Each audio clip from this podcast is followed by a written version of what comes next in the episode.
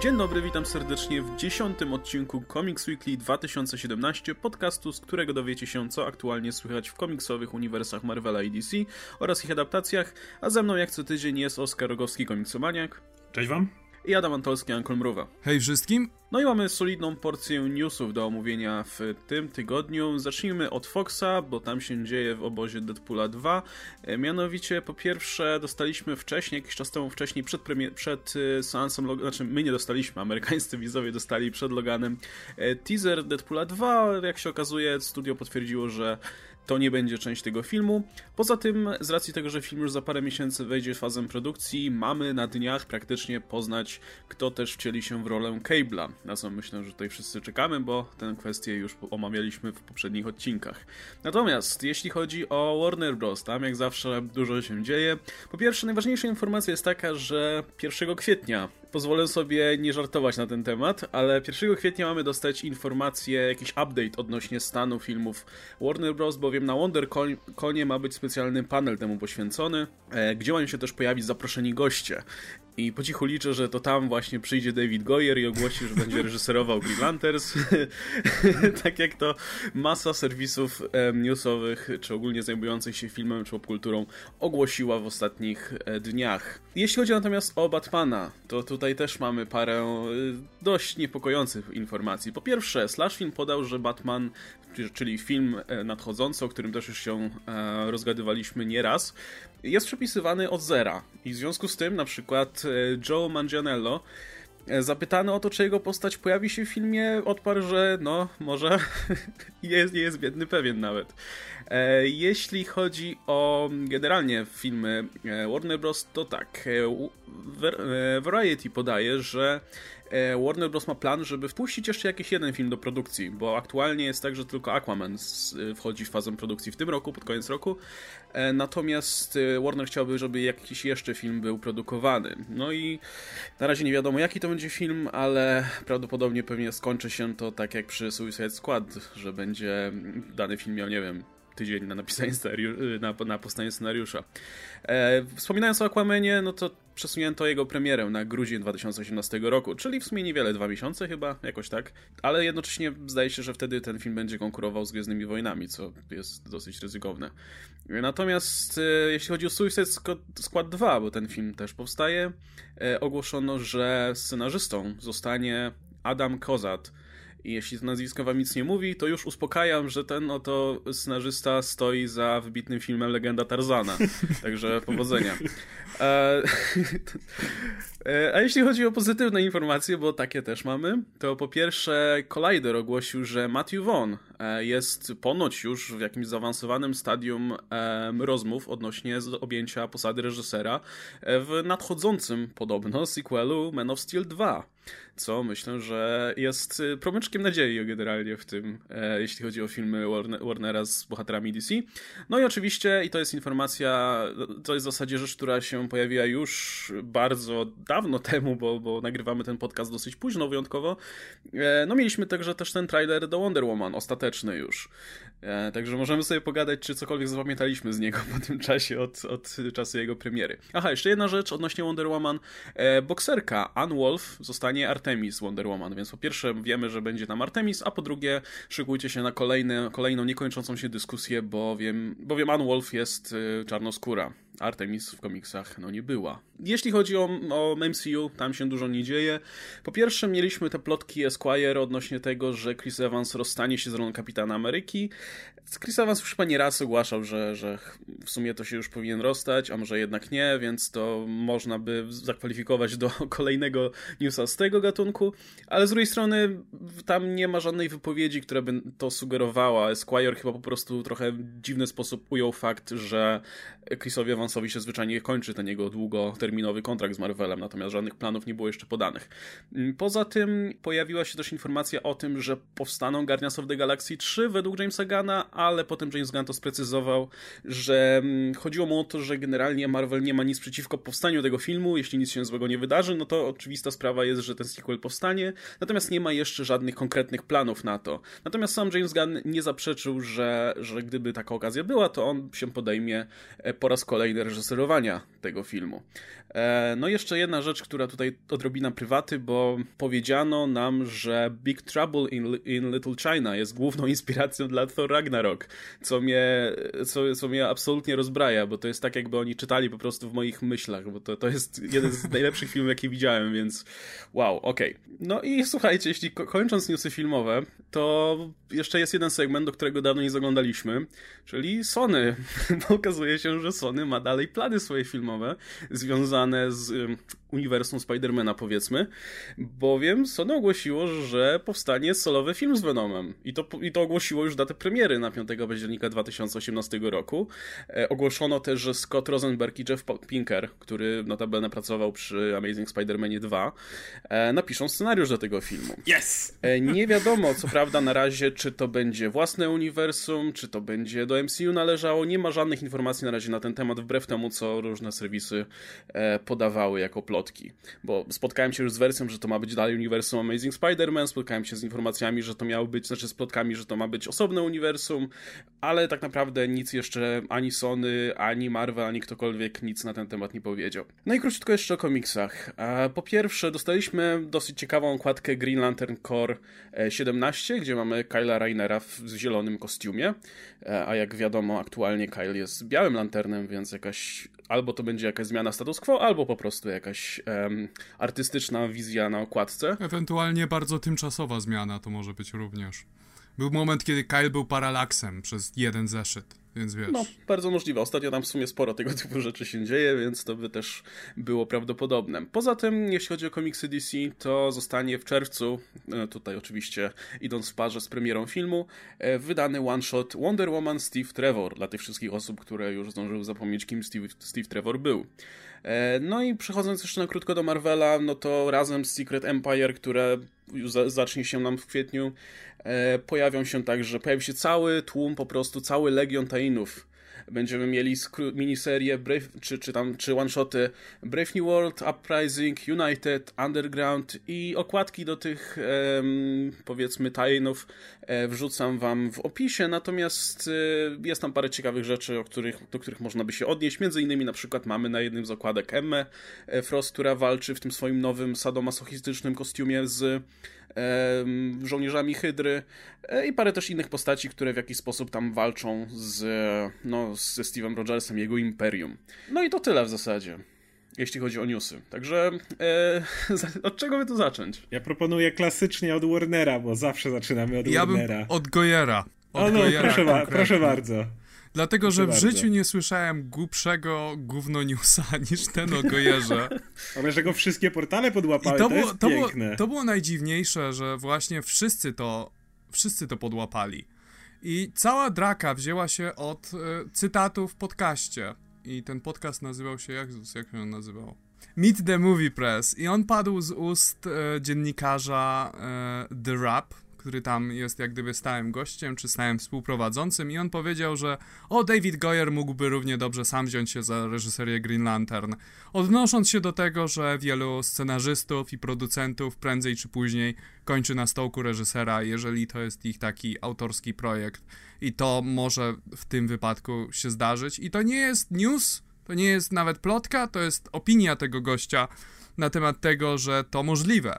I ja się zgadzam, to możliwe, aczkolwiek to nie oznacza, że to się wydarzyło. I to jest straszliwie głupie, dlatego że na wszystkich właściwie portalach e, popkulturalnych czy filmowych zaczęto puszczać news, że o, wybrano reżysera do Green Lantern Corps. gdzie nie?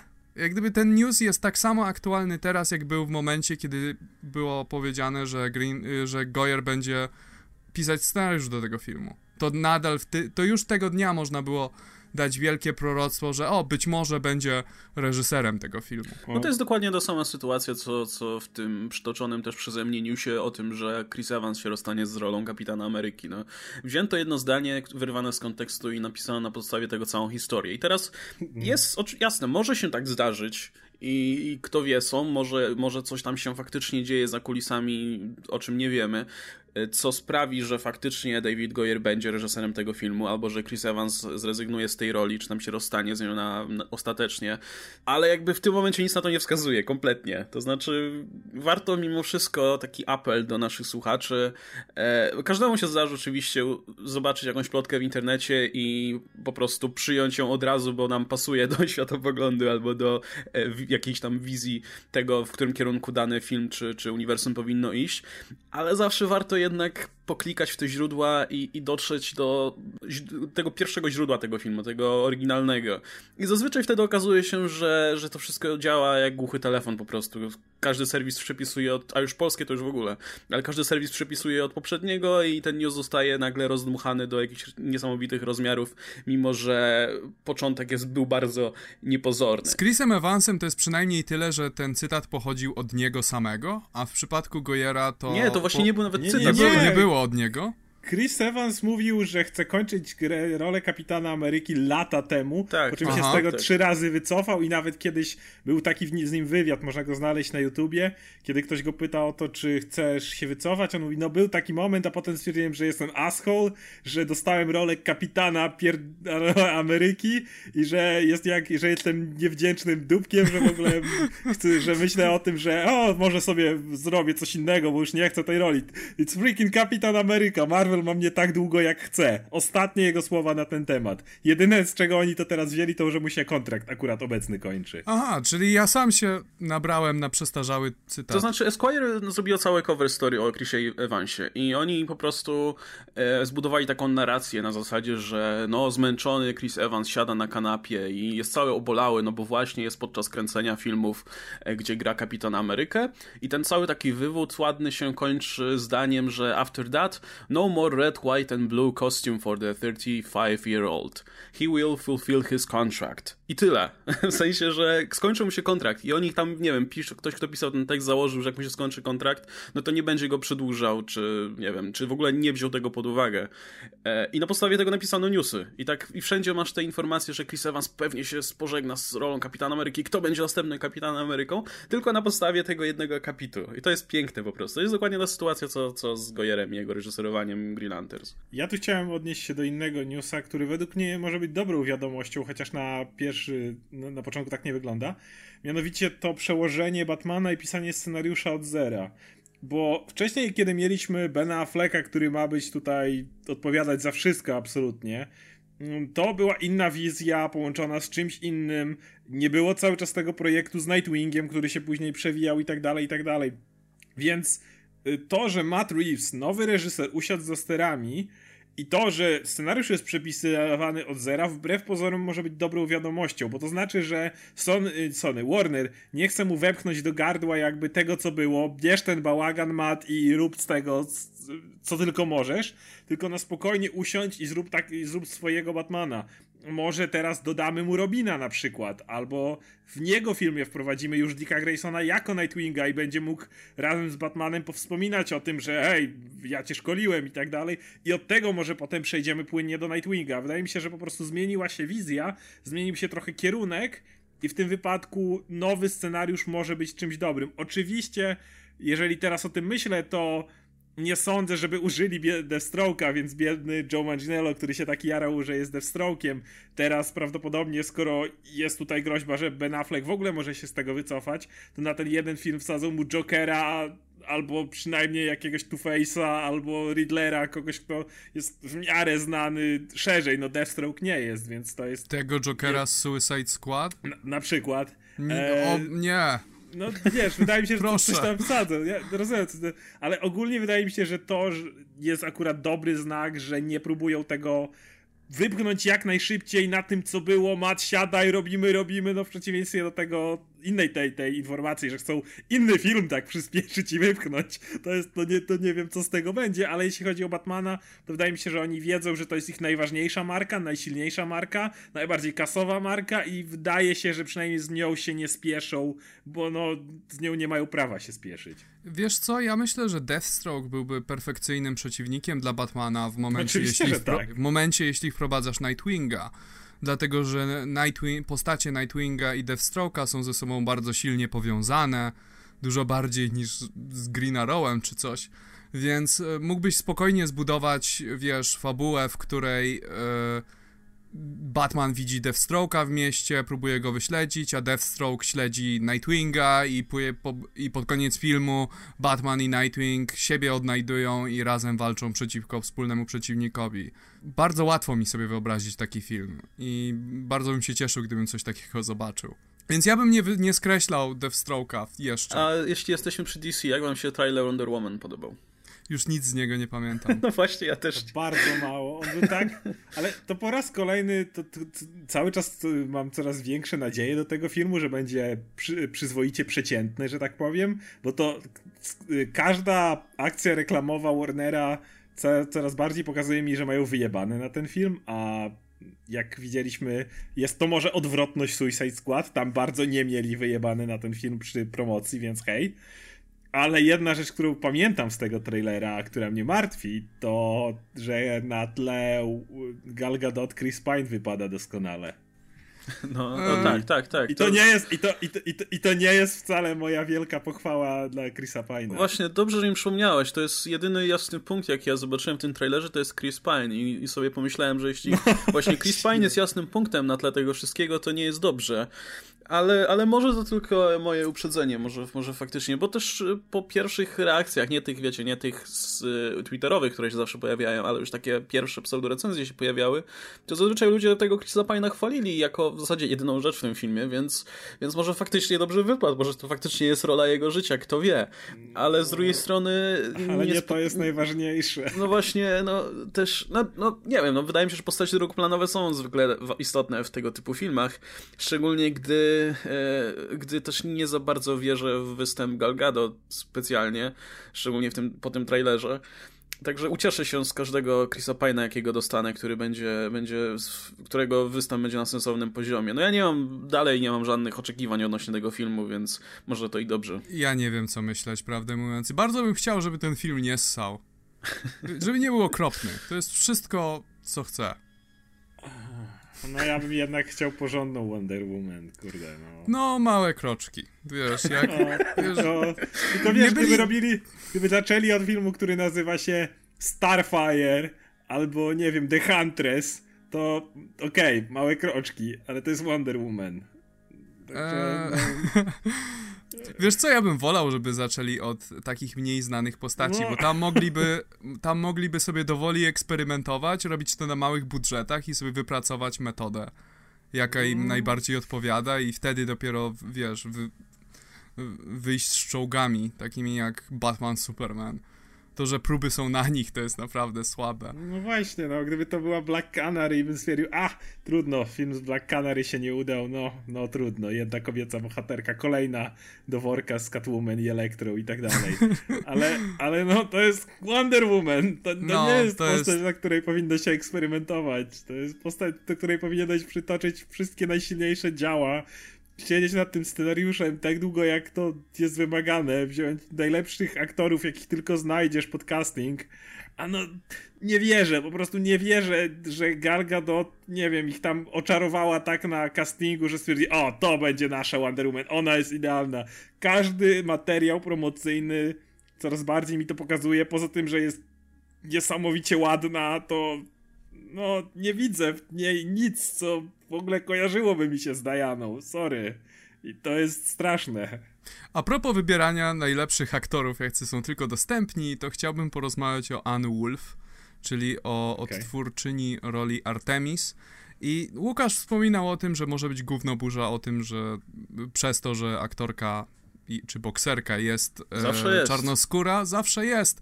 Ja mam większy problem z tym, że jest bokserką i w sumie bokserzy nie są specjalnie znani ze swojej zdolności okazywania uczuć, czy wiesz, czy wyrażania siebie na scenie, czy czymś w tym guście, czy na filmie, więc ten wybór jest dla mnie odrobinę zaskakujący. Zdaję sobie sprawę z tego, że chcieli mieć, wiesz, silne kobiety, które wiesz, będą po prostu napierdalać tam. No, Unwolf z całym szacunkiem wygląda tak, że mogłoby naprawdę, podejrzewam, całą tę Justice League, wiesz, najebać bez żadnego problemu, także No, jeśli, jeśli to ma być postać, która ma robić wrażenie jakby samą prezencją, to, to tak, to dobrze trafili, ale co do gry, to faktycznie.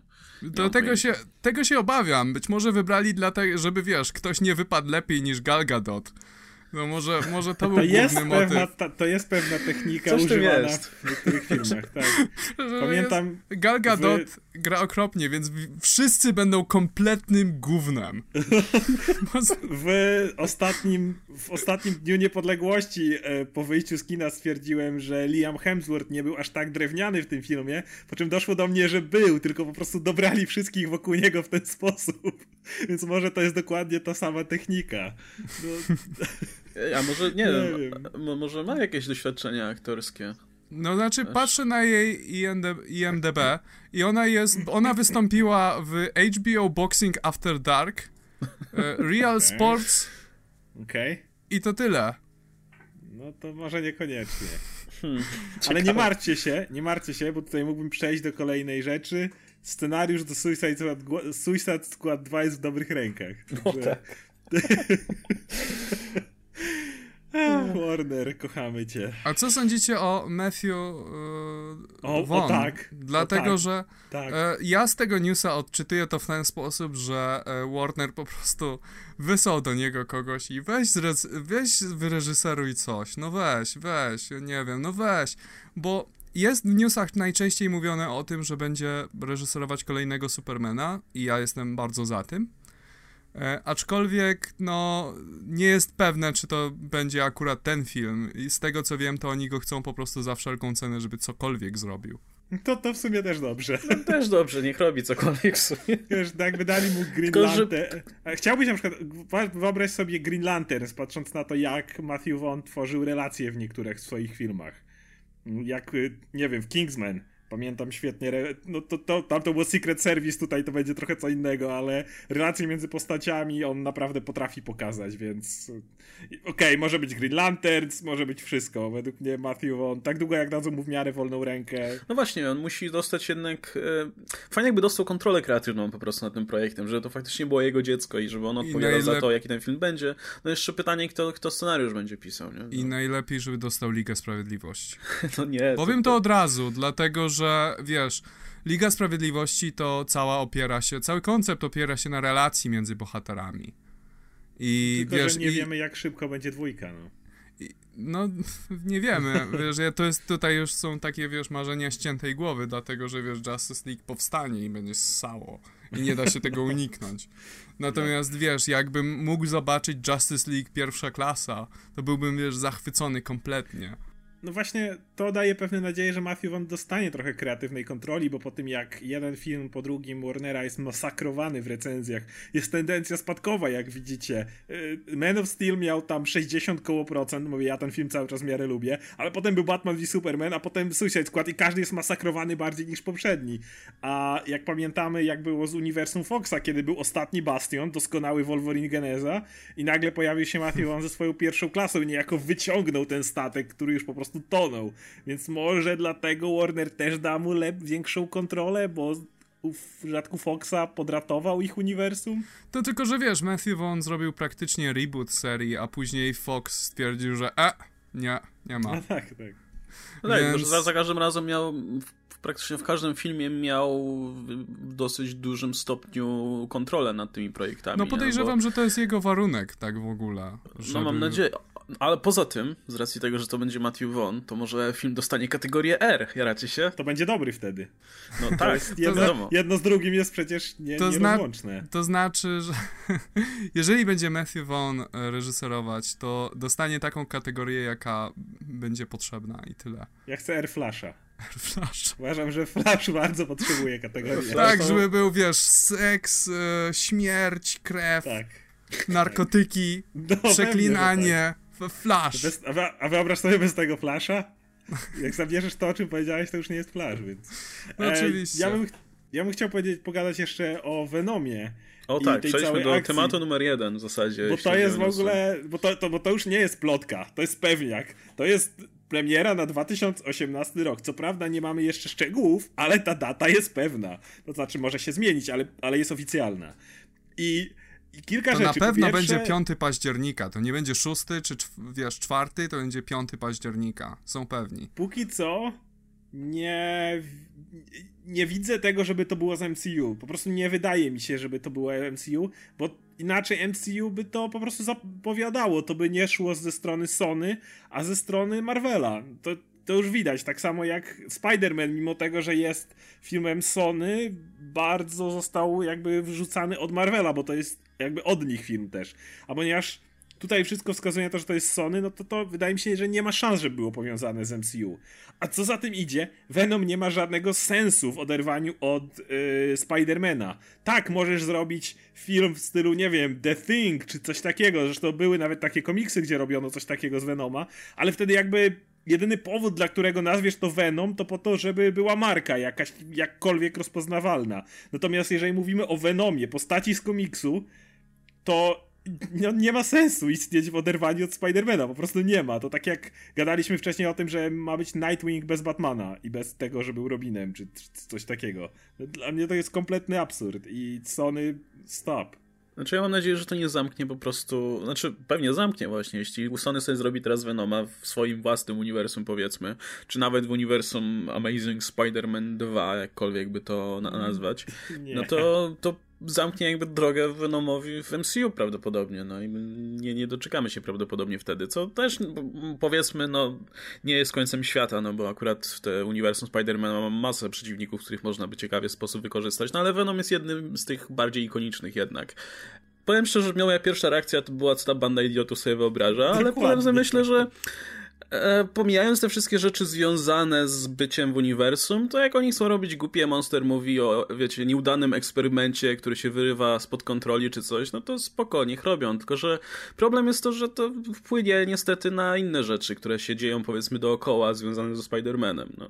Więc no, to na pewno niczym dobrym myślę się nie skończy, nawet jeśli sam film będzie ok. Uniwersum The Amazing Spider-Man jest już umarło i leży na desce i nieważne ile by kto grał, już nie zatańczy. Jak gdyby... Jasne. Nie wyobrażam sobie, jak ciężki wodogłowie by ktoś musiał w Sony dostać, żeby umiejscowić akcję tego filmu w ich, wiesz, umarłej praktycznie serii filmów. Na wonowej, w, w kompletnie tylko, innym oderwaniu. To, to może istnieć tylko na dwa sposoby. Może istnieć albo bardzo głupi film, który nie jest związany z niczym komiksowym, dosłownie niczym, tak jak Catwoman e, z Hail Berry. Jak Man Thing na przykład, no, albo Ale, coś. Albo e, będzie w jakiś sposób taki mniej bezpośredni związany z e, MCU. W sensie będą, wiesz, na podobnej zasadzie jak pierwsze sezony Agents of S.H.I.E.L.D. było, że to Venom będzie nawiązywać do MCU, MCU nie będzie nawiązywać do Venoma. Na tej zasadzie. Ale to cały czas, jeżeli popatrzysz na jakąkolwiek, jakiegokolwiek nosiciela Venoma w historii i jakby całą historię symbionta to jest tak bardzo zakorzenione w lorze Spidermana. Zgadza ja, się. Ja znam doskonale, tutaj od razu mówię do słuchaczy, zanim pojawi się milion komentarzy, tak wiem dokładnie kim jest Venom, wiem z jakiej jest planety i znam symbionty na wylot, ale Venom, ten konkretny jeden symbiont istnieje jakby w tej formie, jakiej jest dzięki Spider-Manowi. Eddie Brock był kim był ze względu na Spidermana. McGargan nosił symbiont, bo był wcześniej Skorpionem, wrogiem Spidermana. Flash Thompson stał się bohaterem dzięki Spidermanowi. Żadna z tych postaci nie ma prawa bytu bez Spidermana i zrobienie z tego takiego, jak Łukasz powiedział, eksperymentu wojskowego, jakiegoś, który wyrwał się spod kontroli, no, czy innego the, the, Thing, czy coś takiego. Pewnie można to zrobić, tylko że to przestaje być Venom. To możesz to nazwać Wielki Glut z kosmosu kontratakuje 4 i wtedy to będzie jakby no, dalej ten sam film. Venom no. się lepiej sprzeda niż Wielki no, Glut z kosmosu okay. kontratakuje 4, aczkolwiek ja bym chętnie zobaczył ten film, szczerze mówiąc. Nie, ale... ale... Ale, wiesz, no ja sobie wyobrażam, że oni mogą to zrobić tak jak Adam mówi, że zrobimy to w MCU, ale w oderwaniu, że o, przylatuje, nie wiem, meteoryt z jakimś glutem z kosmosu i on opanowuje jakiegoś losowego zioma i, i tyle. I potem, potem jak Marvel będzie chciał skorzystać z tego, to zużyją tego samego symbiontu. No i nawet w tym filmie Venom nie musi mieć pajęczych mocy, zanim się zwiąże ze Spider-Manem. Może być, nie wiem, niestabilny albo coś. I w ten sposób wyjaśnią, że jak się złączył potem ze Spider-Manem, to już był inny czy coś.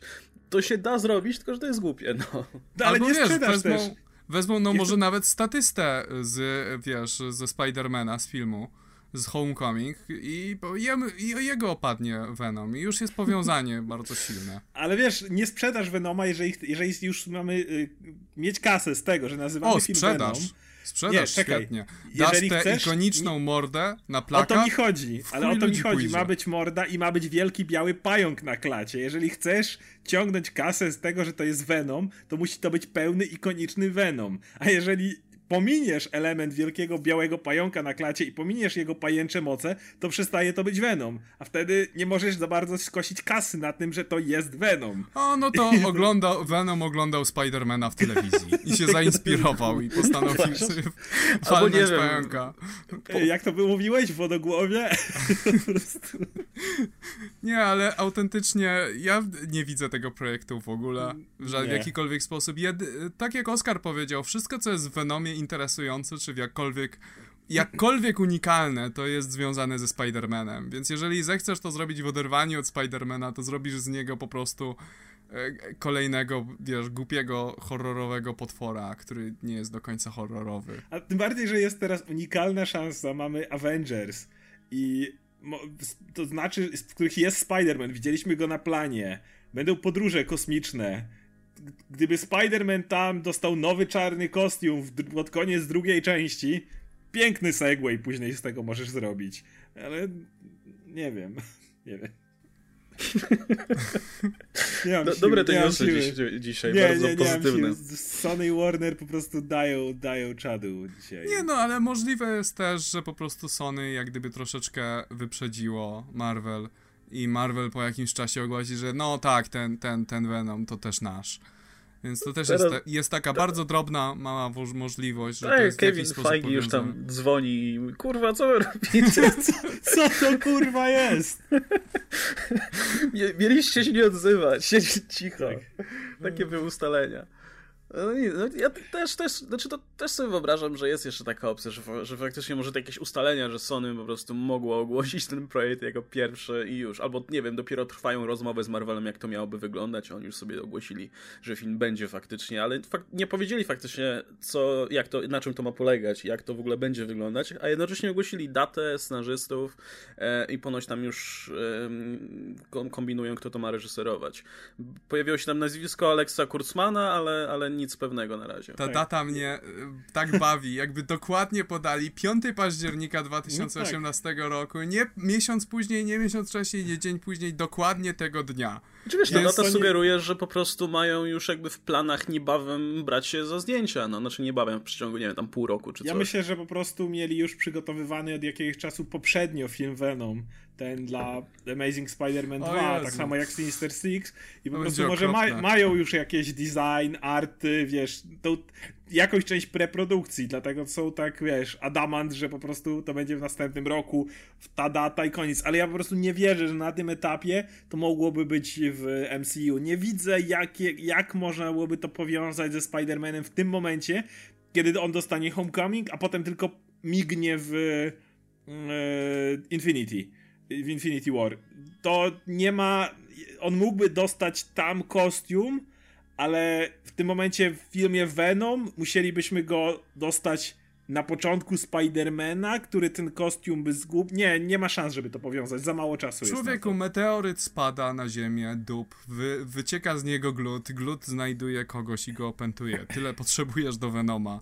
No tak, ale jeżeli mówię o powiązaniu ze Spider-Manem, za ja mało wiem, czasu na to. Ale może to też działać tak i to już jest ciężka, ostra spekulacja z mojej strony, że po prostu Spider-Man z MCU pojawi się w tym filmie we, z Venomem. I wiesz, i cały ten build-up będziemy mieć w tym jednym konkretnym filmie i nigdy później o nim nie wspomniemy, nie wspomnimy w samym MCU. A Sony, myślę, będzie, że... a Sony będzie sobie kręcić kolejne Venomy Ale już po swojemu nie, oderwaniu. Wiecie, myślę, że Sony nie ma takiego prawa. Kevin Feige bardzo mocno dba o swoje filmowe uniwersum. Ma gdzieś seriale, ma gdzieś tego typu rzeczy, ale jego filmowe uniwersum jest zapięte na ostatni guzik i myślę, że nie pozwoliliby nigdy na to, żeby Sony tworzyło coś na zasadzie Agents of S.H.I.E.L.D., wiesz, niby w ich uniwersum, ale nie w ich uniwersum. Nie ma bata według mnie, żeby Marvel się na to zgodził. Serial, proszę bardzo, róbcie sobie co tam chcecie, ale film to jest jakby nasza wizytówka, my się pod tym podpisujemy, to jest część naszego uniwersum, którą, na którą my musimy potem zwracać uwagę tak czy inaczej, skoro już się na to zgodziliśmy, więc nie wierzę w to, że pozwoliliby na luźne połączenie. To będzie albo powiązane konkretnie pod y, przewodnictwem Kevina Feige, albo wcale, według mnie. No nie no, dla mnie najbardziej prawdopodobna opcja, że to po prostu będzie jakiś losowy monster movie, tyle że z Venomem na plakacie No, pewnie i już. gówno, no. I wyjdzie, nik, po prostu nikogo to nie obejdzie, wszyscy o nim zapomnimy i będziemy udawać, że to nigdy nie istniało. I, i tyle, no. Tak jak, nie wiem, Man-Thing albo te wszystkie inne filmy, które się tam produkowało w oderwaniu od, od, No od tak. czegokolwiek. Okej, to jeszcze, e, czy jeszcze coś filmowego e, chcemy omówić? Chyba już wszystko, że Chyba wszystko. Jeszcze na moment chciałbym wrócić do tych okładek, o których wspominałem, bo wspominałem tam o tej Emie Frost, bo to była z tych e, tajnów najciekawsza okładka, bo myślałem, że o Emie im się zapomni na, na jakiś czas, żeby dać jej odsapnąć trochę po wymordowaniu iluś tam tysięcy Inhumans, ale zapomniałem wspomnieć jeszcze o tym, że jest ta okładka Secret Empire Brave New World, e, jednego z tych, e, jednej z tych miniserii. I one też są dosyć ciekawe, znaczy jedynka jest tak sobie, no mamy nowych Invaders i to była taka ekipa, która się składała z tych klasycznych bohaterów Marvela, nie? To Oscar to czytał, zdaje się, tą wersję z Marvel Now All Tak. New Invaders. I to była No i- fajna historia i przede wszystkim najba najbardziej mnie cieszy z tego, że jest tutaj Jim Hammond i Namor, bo oni mają rewelacyjną No właśnie, i mamy, mamy teraz nowy, nową inkarnację, tak jak Oscar wspomniał, z Namorem i Jimem Hammondem, czyli tymi oryginalnymi Invaders, no i oczywiście oryginalnymi bohaterami w ogóle uniwersum Marvela.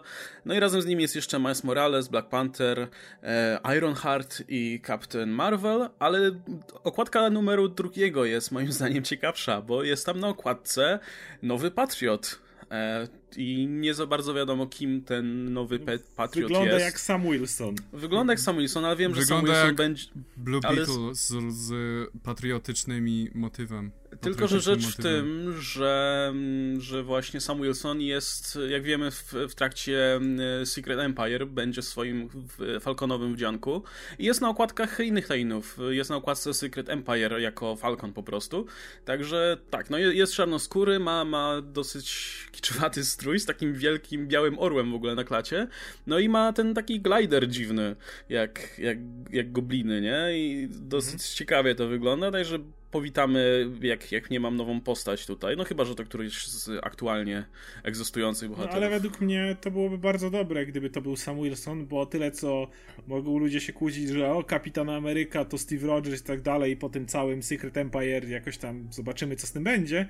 O tyle Patriot jest takim tytułem, który jest znowu bardzo, jak sama nazwa wskazuje, patriotyczny. A jednocześnie y, nie jest on jakoś wyjątkowo obstawiony, że tak powiem. Patrioci ci zmieniali się przez lata.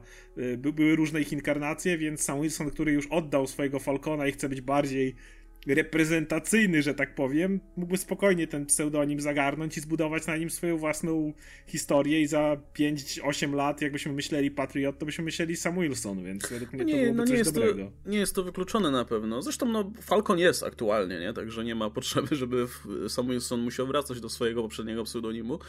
E, a propos właśnie Falcona, to generalnie cały zastęp tych młodocianych herosów jest z kolei pokazany na okładce Secret Empire Uprising, gdzie mamy Black Widow, która na pajęczych nitka, niciach trzyma e, między innymi właśnie Viv, e, Ironheart, e, Hulka, Medeusa Cho i tak dalej, Mm, więc najwyraźniej będzie liderować tutaj drużynie złożonej z tych młodych bohaterów, co też jest myślę ciekawą opcją. Także to się wszystko w miarę spoko zapowiada, zobaczymy jaki, jaki bullshit wyjdzie z tego wszystkiego. No dobra, to komiksy. Pociągnijmy temat, o którym mówimy od dawna, czyli Supermana, bo dalej mamy Superman Reborn, trzecią część, gdzie mieliśmy kolejne rewelacje, e, mianowicie wrócił pewien stary znajomy z New 52. Jak wam się podobało? Adam, wytłumacz mi o co chodzi w tym komiksie, bo ja nie mam zielonego pojęcia. Ok, Okej, Mr. Myxa Spytylek posiada pełną kontrolę nad rzeczywistością. On żyje w piątym wymiarze, ale to jest bardziej. To nie jest piąty wymiar taki, jak ty myślisz, że wiesz, o Ziemia 3 czy Ziemia 5 czy coś w tym stylu. To jest bardziej, myśl, matematyczny piąty wymiar. To znaczy, że wiesz, on może, e, on może przesuwać wszystkie nasze obiekty, czy zmieniać ich kształt, czy coś tak dalej, i to my nie jesteśmy nawet z tego, nie jesteśmy nawet w stanie tego pojąć. E, I to na przykład e, było bardzo wiele fajnych eksperymentów przez lata z tym, ale najczęściej to po prostu oznaczało, że on może zrobić wszystko, byle jaki bullshit. I to się dzieje dokładnie tutaj. E, powiem wam szczerze, że na jakiś dziwny sposób mi się ten komiks bardzo podobał. E, wygląda naprawdę świetnie wizualnie, szczególnie e, główny złoczyńca tego zeszytu jest bardzo kreskówkowy, ale jest bardzo niepokojący, taki creepy. E, co się działo w tym komiksie? Otóż Mr. Mixa Spytylik e, wziął e, Johna do siebie, ukrył go przed Supermanem i sprawił, że Lois zapomniała o, o nim i o całym ich życiu rodzinnym i tak dalej. I jak gdyby wyzwanie rzucił przed Supermanem, żeby, wiesz, żeby pokonał, jak pokonał jego wyzwanie, które oczywiście jest oszukane, bo to jest taka postać, no to uda mu się odzyskać, yy, odzyskać syna. I syn równocześnie jest uwięziony w takiej w globusie Daily Planet, który przypadkowo się tam znajduje, dlatego że czemu nie. I on tam rozmawia z czymś w rodzaju duchów czy no, czegoś. jakieś kule energii, które gadają. Jakieś kule energii bliżej określone. I on tam zdradza, i ja nie jestem pewien, czy ja. To, co ja w tej chwili mówię, to troszeczkę są rzeczy, jak ja zrozumiałem z komiksu, więc ja mogę się mylić co do tego i mogą być jeszcze informacje, których brakuje po drodze, ale. E, Mixa Spytylik w pewnym momencie e, mówi, że Superman został podzielony na dwa. Co się już zdarzało w przeszłości. Mieliśmy Superman Red i Superman Blue. I, mom- i e, z jego wypowiedzi wynika, że w momencie, kiedy pojawił się Flashpoint, to Superman podzielił się na dwa. I czerwony Superman, Superman Red, to był ten z New 52 i Superman z... E, Superman stary to był ten, który był oczywiście w Convergence i tak dalej. Jest to straszny bullshit, tak swoją drogą. Bo co się stało z Lois w takim razie?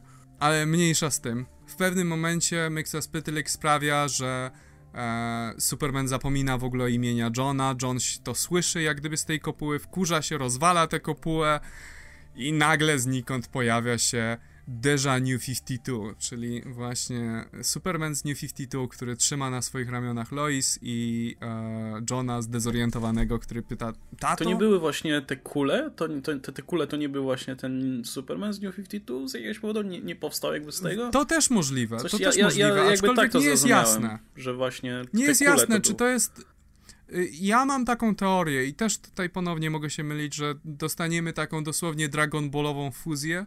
No. Że w pewnym momencie ten stary Superman i nowy Superman dotkną się penisami i połączą się w jedną postać. No. To niewykluczone, że tak to ja to, Ja zrobić. też obstawiam coś ja takiego. Ja czytałem, czytałem o takiej teorii, że yy, jakby ten brakowało nadziei, tak, że z New 52 to jest to, skąd została zabrana cała nadzieja. I jakby ten, no, ten Superman tutaj to jest reprezentujący nadzieję i on jest blue, a tamten Superman to jest red, bo zresztą w New 52 wszystko było czerwone. I, i, i, no i, tak. i, masz, i to jest, no on tak. jest jako czerwona kulka pokazany.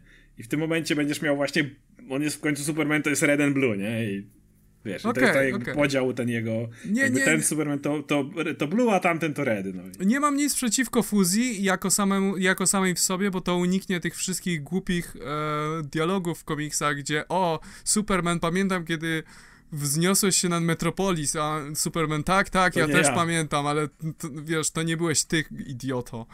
E, I to by to uniknęło tego, no bo mielibyśmy pewną ciągłość, ale z drugiej strony szczerze mówiąc, wolę starszego Supermana, który jest bardziej doświadczony, bardziej, wiesz,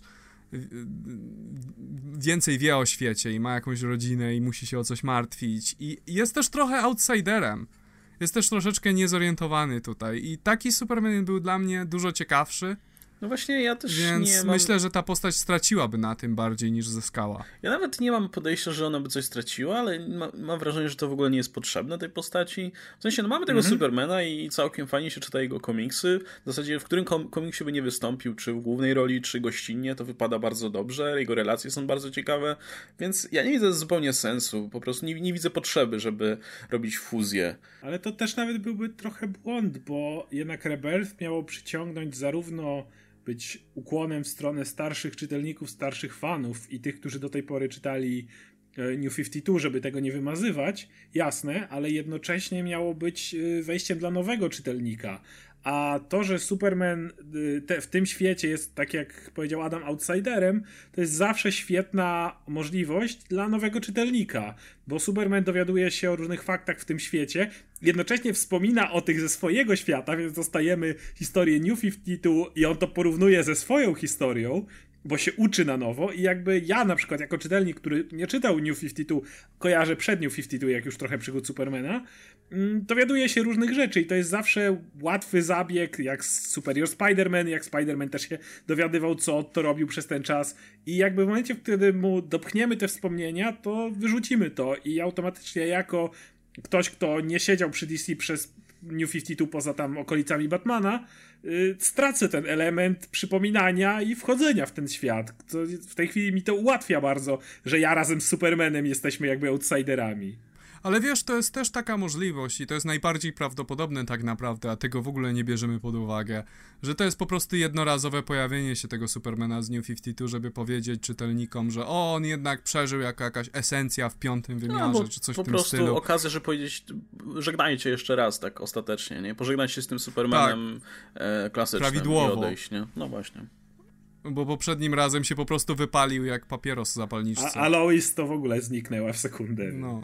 W ogóle nie wiem, czy ta Alois, którą on tam trzyma na ramieniu, to jest ta Alois z New 52, czy to jest ta Alois, którą teraz jest w komiksach? Nie, to chyba ta z New 52. Jest? To jest ta z New 52. Tak, ten no, ale na, obrazek, na czym to w, w Bo ten ostatni obrazek masz pojaw, to jest pojawienie się Supermana z New 52 z jednej kulki, Lois która by, Lois była na dole, jakby tam była, czy tam w domu, czy gdzie ona, nie wiem, na dole, tak, ona była z Supermanem. A to ta Lois pojawiła się z tej kulki, więc zakładam, że skoro z tej kulki pojawił się Superman z New 52, to znowu z tej kulki pojawia się Lois z New 52.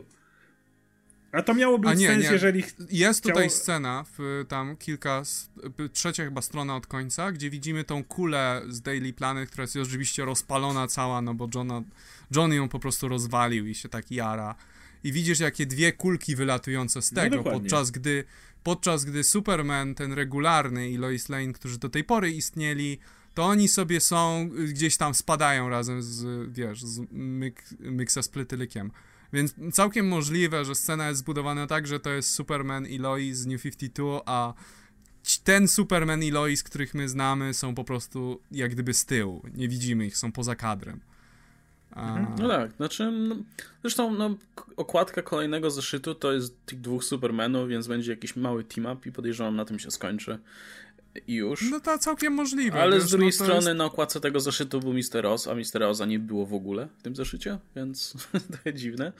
Aczkolwiek pojawiła się też teoria, tak a propos naszych e, dociekiwań, czy to, czy postać, która okazała się Myxa Spytylkiem, być, to, to pojawiła się też e, teoria, że Mister Oz to tak naprawdę Superboy Prime, I teraz w każdym odcinku podejrzewam, będziemy zgadywać, że jakaś postać to Superboy Prime. E, ja, ja mogę dać całkiem dobry argument na poparcie tej tezy. No, słucham. I to jest kwestia tego, że istnieje postać e, bardzo stara. E, chociaż nie, nie, nie jest stara, powiem to od nowa. Istnieje postać w uniwersum DC, która je, nazywa się Time Trapper. I to mhm. jest postać, która walczyła z Legionem przez jakiś czas. I ona jest e, oka i jest ujawnione w pewnym komiksie, przy okazji Final Crisis to ujawniono, że Time Trapper, który jest tym super mistycznym czarodziejem z przyszłości czy czymś, super potężnym, mhm. to jest tak naprawdę Superboy Prime, który dożył po prostu tych czasów, jak gdyby zestarzał się. Oh. I on jest, on jest dużo bardziej spokojny, on jest nadal, wiesz, taki bardzo porywczy i nadal taka trochę cipa, ale, ale w taki bardziej stonowany sposób, nie to, że się drze po prostu non-stop. I to by miało sens, żeby Superboy Prime, który wiesz, w późniejszych swoich latach włada czasem i przestrzenią i tak dalej, był kimś takim jak Mr. Oz. E, szczególnie, że nosił praktycznie identyczne wdzianki. No tak, tak. On taką szatę miał właśnie długą i się ukrywał, tak. nie? A pod tym miał tą swoją wydzieraną klatę z tego Supermana czy coś. No, więc wiesz, nie mamy nic jasnego tak naprawdę, co powiedzieć poza, e, po Mr. Oz, poza tym, że o, to jest Ozymandias.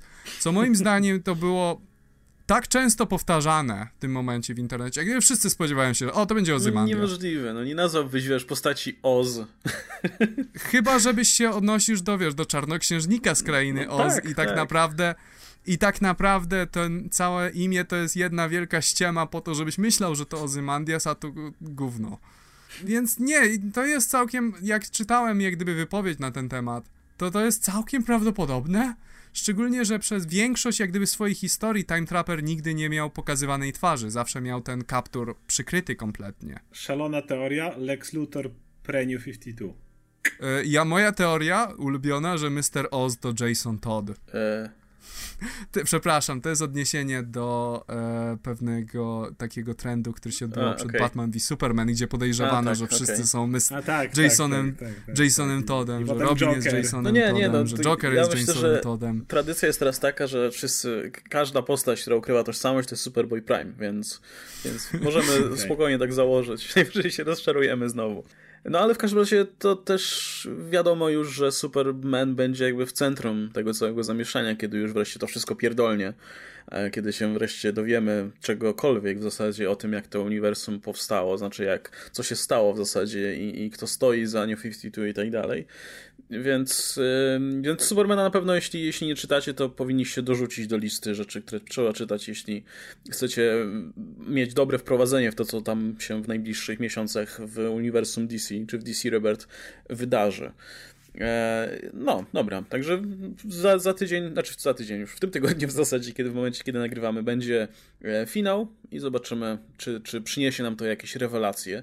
Biorąc pod uwagę, że zbliża się coraz szybciej debaton, to e, czas najwyższy, nie? Na jakieś, powiedzmy, nowe poszlaki mhm. w tym temacie. Pewnie. E, no dobra, to jak jesteśmy przy DC, to jeszcze króciutko o jedyneczce, która, jedynej w zasadzie. Jeszcze, jeszcze jesteśmy w tym okresie, kiedy dopiero czekamy na tą wielką falę jedynek, która przed nami. E, czyli Batwoman 1. Ostatnio mówiliśmy o Batwoman Rebirth i teraz dostaliśmy pierwszy zeszyt. E, I powiem szczerze, że podobał mi się ten zeszyt w miarę, ale czytałem go w premierę w środę ostatnią i nie pamiętam za bardzo, co w nim było teraz już. Więc... E, jest nudny. Jest tak nudny niewyobrażalnie. Batwoman walczy z potworem. A tak, walczy z potworem, tak. I, I, i to tyle. I, i ktoś ją atakuje. Ale... Ktoś ją atakuje, rozmawia z, jeszcze z tą, wiesz, przez e, komunikator jakiś w swoim uchu. Potem ma ból dupy, A jest ta, że jest ta, nie jest tak fajna jak Batman. Jest ta Julia, która wcześniej była u, tak, tak, u tak. Batmana. O, dobra, tyle pamiętam. No i to tyle się dzieje w tym komiksie. To wszystko. I troszeczkę ma jeszcze ból dupy właśnie o Batmana, że o, Batman jest taki fajny, a ja chyba też, a nie wiem.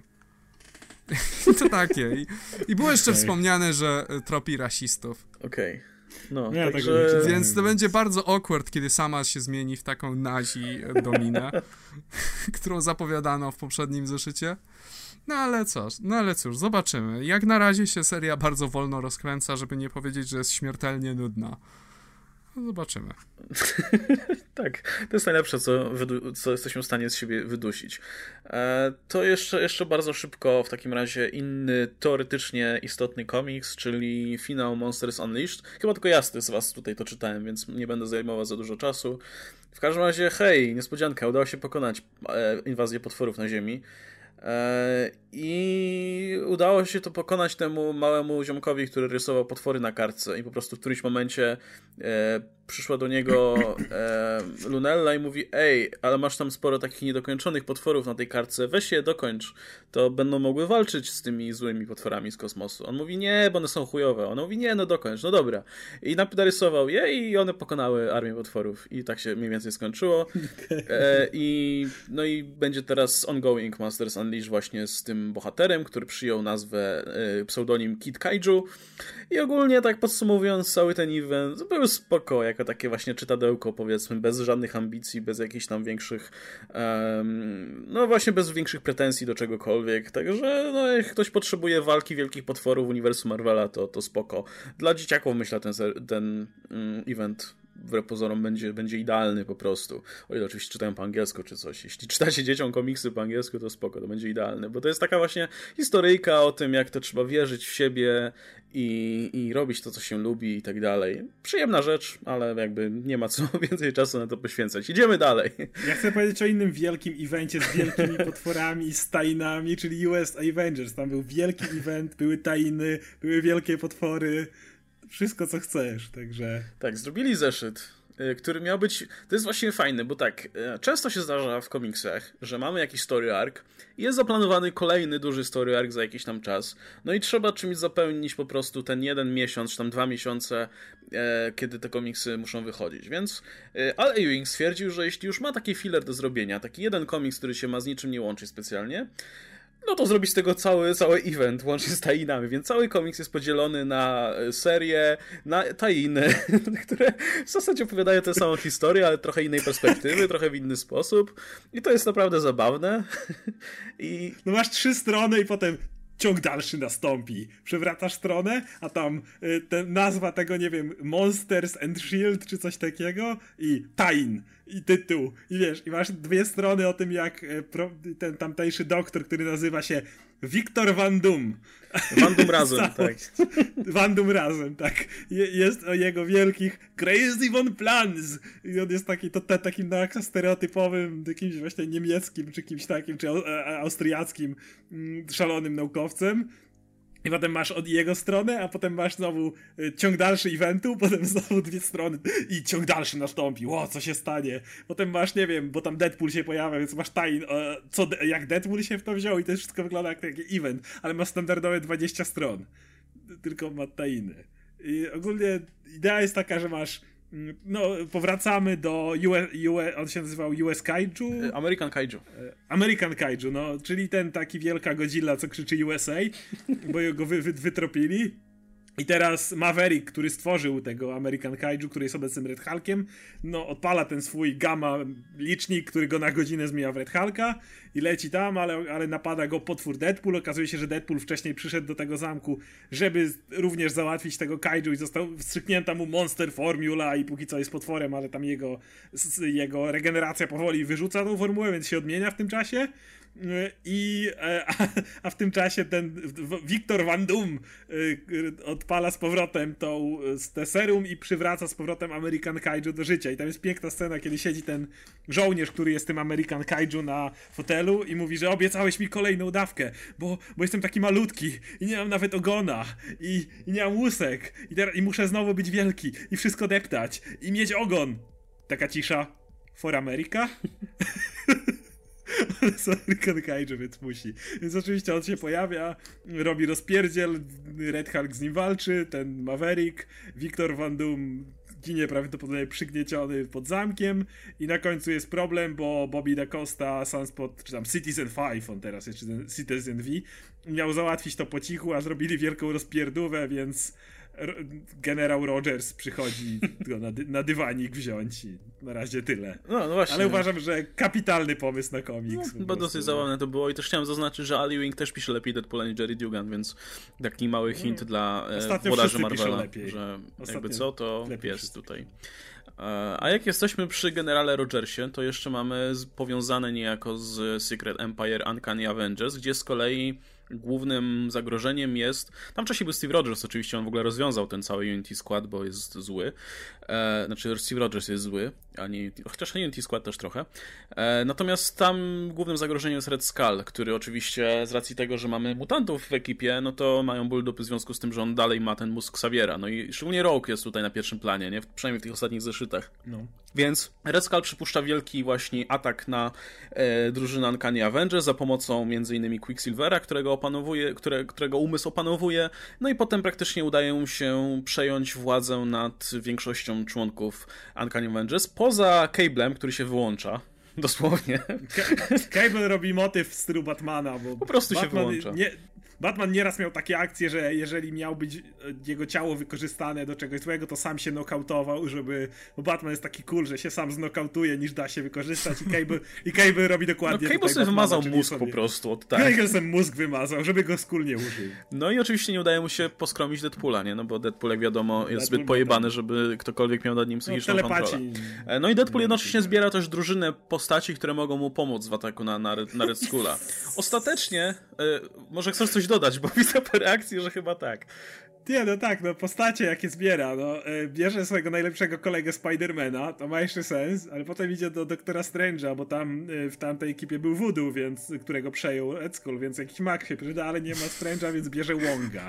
Ej, Wong jest, jest Bierze- badass w tym komiksie. No. Wong jako badass idzie napierdalać się z tymi Avengers przejętymi, więc Spider-Man i Wong klepią się w Avengers, a w tym czasie Deadpool wchodzi do willi, żeby załatwić Skula, no ale niestety przechwytuje go Rogue, którą Skull w końcu przejął i Rogue tam no masakruje Deadpoola, po prostu wgniata go w podłogę, mówiąc lekko, no, no, Do niego czasu. robi po prostu marmoladę z niego robi na ziemi do czasu, bo nagle okazuje się, że Deadpool jednak miał plan i poszedł do willi X-Men, której już nie ma, bo przeniosła się do Limbo, mm, ale przegrzebał tamtejszą piwnicę, czy co tam zostało i znalazł stary hełm Magneto. Więc on ten hełm Magnetów, kiedy Rogue z niego robi papkę dosłownie, zakłada Rogue na głowę, no a wiemy, że hełm Magneto odcina telepatię. I w tym momencie e, Red Skull robi takie oh shit! Ja mam głupie pytanie. Jakby nałożyć Red Skullowi hełm Magneto, to czy by mu Możliwe, zabrało żeby- moce? Tak. Możliwe, że tak. To jest właśnie Możliwe, najbardziej absurdalne. W zasadzie wszystkie postacie po prostu mógłbyś ubrać te hełmy i Red Skull nie mógłby ni, ni, im nic zrobić. Tak. Zupełnie. To jest w ogóle takie, wiesz, to jest trochę bez sensu w całym tym uniwersum, że oni po prostu od razu wszyscy nie ruszyli do Magneta i nie powiedzieli mu, ej, Red Skull ma moc Xaviera, ma jego mózg. Chcesz go pomścić? Zrób nam hełmy. takie jak masz, wszystkim. I rozjebiemy Tak. go wszyscy. Okej, no i nie byłoby żadnego problemu, no ale wtedy wiadomo.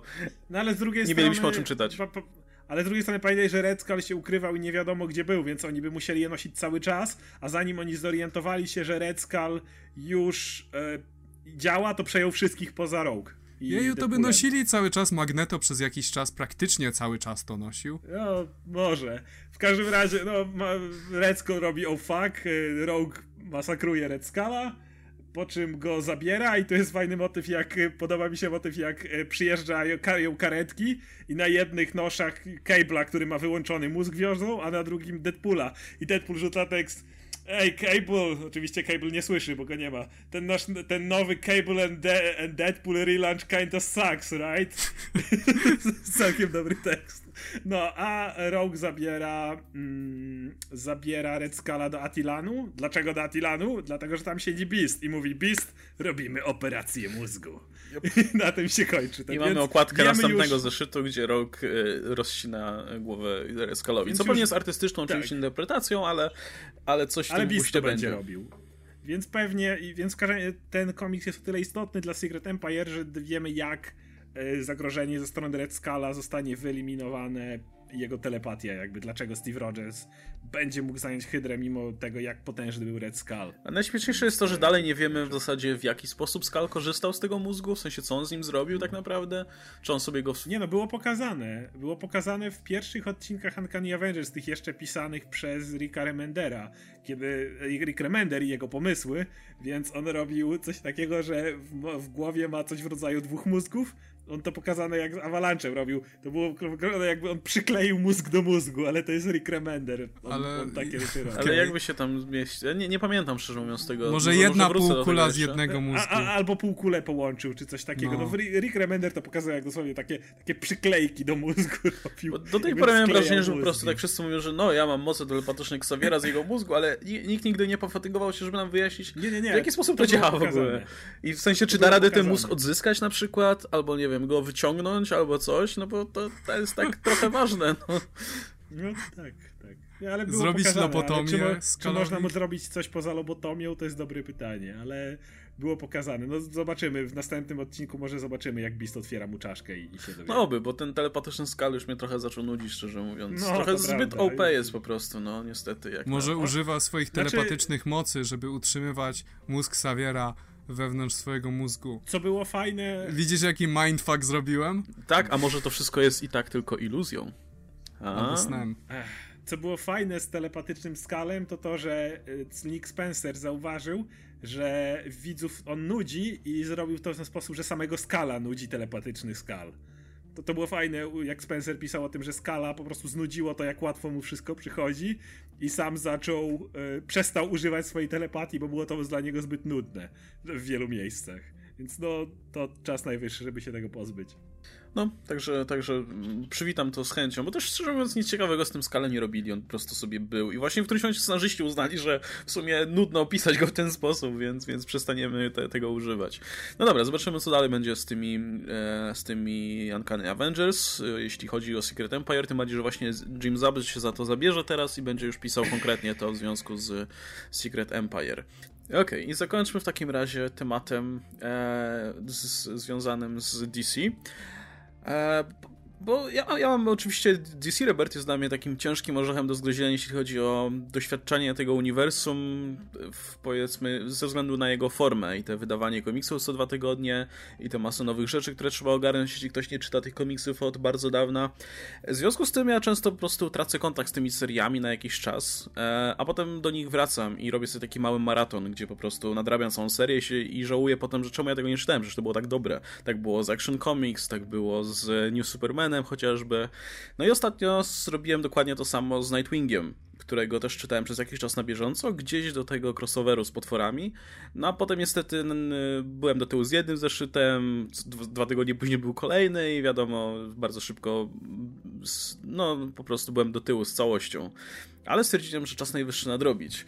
I dał, jakie to jest, jakie to jest zajebiste. To jest tak dobra seria. Jest. To jest tak dobrze pisane.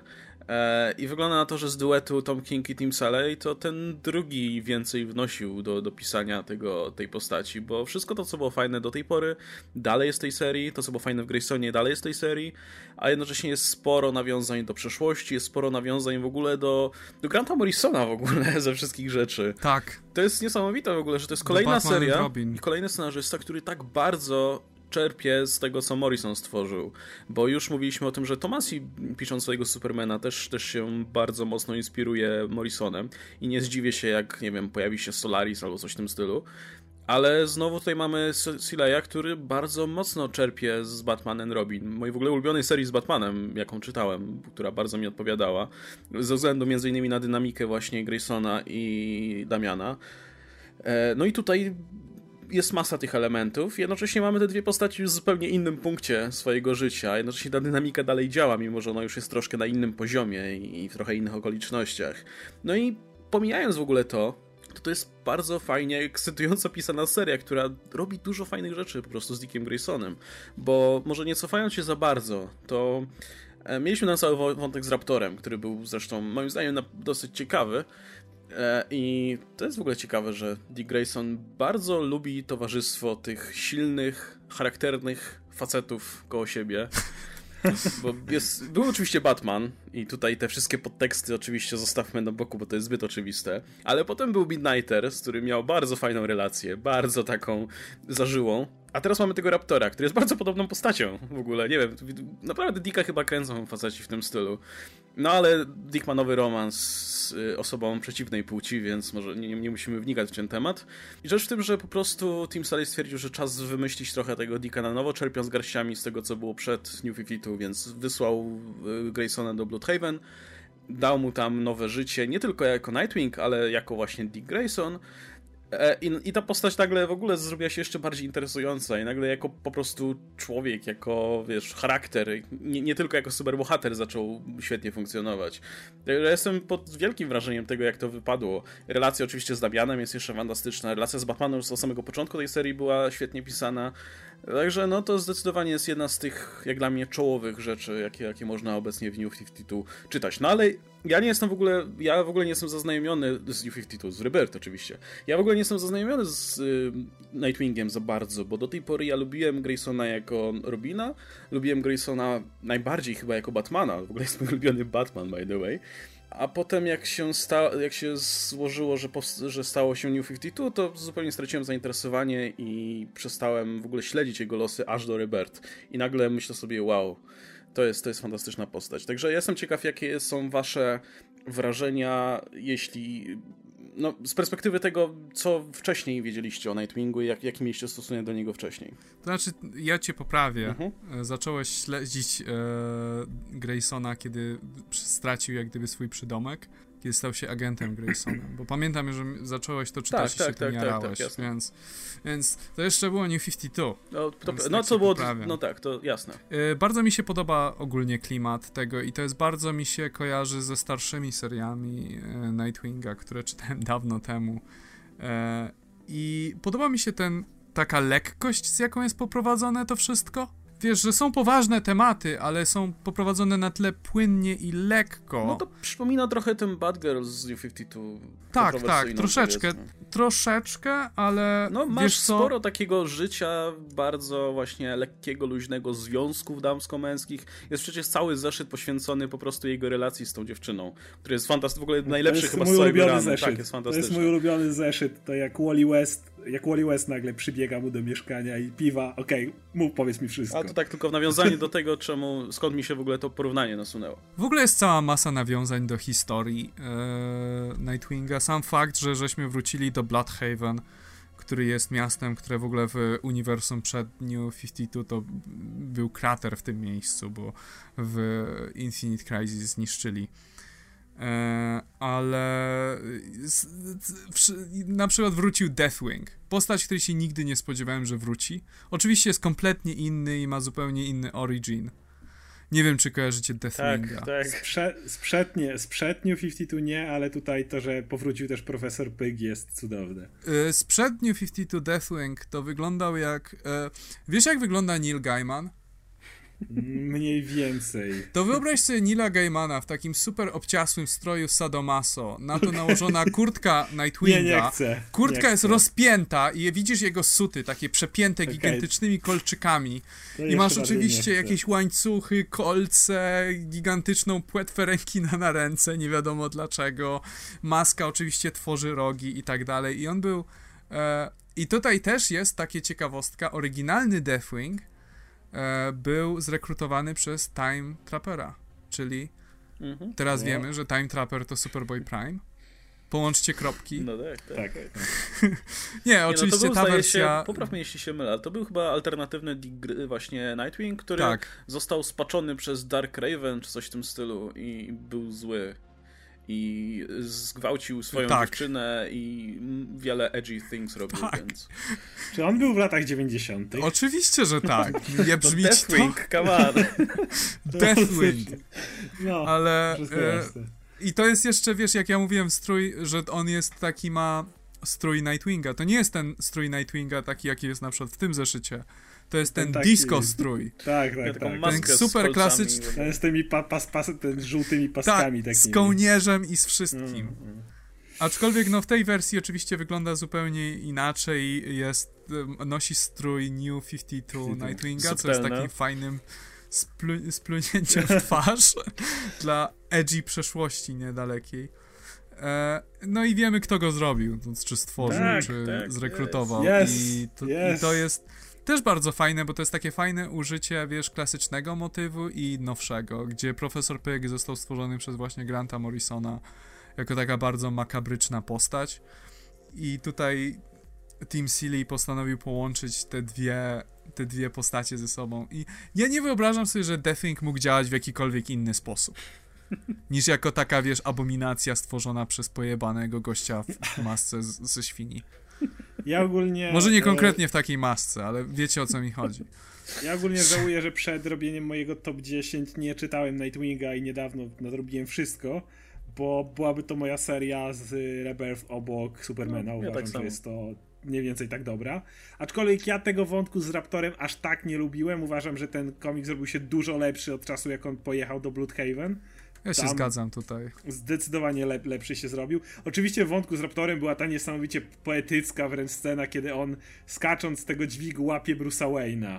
I to jest ten taki motyw, że tego ojca udało mu się złapać, tak? Więc ten cały. To było ładne co będzie mówić. Natomiast komiks zdecydowanie zyskał znacznie na jakości od kiedy Dick pojechał do Bloodhaven. Cały motyw z jego nowym romansem i no, najlepszy komiks zdecydowanie, jak on rozmawia z Jasonem podczas jakiejś tam klepaniny i też Jason, o którym zaraz pewnie też pogadamy, jest tam fajnie napisany, jak mówi, ej, Jason, skupmy się na walce, on mówi, nie, walczymy z jakimiś tam cieniasami, moglibyśmy w tej chwili robić 10 rzeczy naraz i tak byśmy ich sklepali, no w sumie fakt. I te, te, te rozmowy po prostu, czy jak właśnie gada przez telefon z Wallim i Wally, o czekaj, pokazane, że stoi przy Central, Central City i, na, i, już jest zaraz w mieszkaniu, jeszcze Dick nie odłożył telefonu, a już y, Wally jest w jego mieszkaniu z dwoma piwami, od razu mów mi wszystko. Więc nie, ta, ta seria jest tak dobrze pisana. Cały banter Nightwinga, kiedy on atakuje tych gości Horsemen z tymi ty kretyńskimi maskami koni. No, no, I cały banter, który on wtedy mówi, po prostu jest tak dobrze napisany. Ja uwielbiam tą serię, chociaż jakby Dick nigdy nie był moim ulubionym uh, ulubionym Robinem. Uh, to, to miano należy do Damiana, i, i, i tu, ale to też nie mogę narzekać, bo Damian też jest tu pisany rewelacyjnie i nie jest go tak znowu mało w tym ostatnim sterearku, zresztą jest go bardzo dużo i jest dalej pogłębienie relacji między Dickiem a Damianem, bo to jest też, zawsze się chwali oczywiście relacji między Damianem a Batmanem, ale między Dickiem a Damianem też jest szczególna e, szczególna e, ta więź no, szczególna więź niech będzie. To, to, te, tego słowa w sumie mi y, zabrakło i to, że no w sumie no, był Batmanem, kiedy Damian zaczynał i to jest, to jest jakby bardzo istotne, ale też cały motyw z tym, że oni są braćmi, ale nie są braćmi i w sumie Damian bardzo kocha Dicka, ale to Damian, więc nie jest w stanie mu tego tak dobrze powiedzieć, więc mówi to tylko kiedy tamten ma haluny i może tego nie zapamiętać. I to jest cały czas świetnie napisane. Ja jestem zachwycony tą serią i zachwycony tym, jak ci Robini są pisani. I Rebirth jest świetnym motywem, bo wszyscy Robini są tam lepiej pisani, ale o Jasonie zaraz pewnie jeszcze. Ale wiesz co, ja, ja, tak się odniosę do tego, co mówiłeś o relacji Damiana i e, Dicka. I ja myślę, że ich relacja jest na swój sposób dużo ciekawsza niż relacja Damiana i Batmana. I to jest związane z tym, że zarówno Dick, jak i e, Damian są zarówno, obaj są równocześnie Batmanem i Robinem, po prostu w innej proporcji. No tak.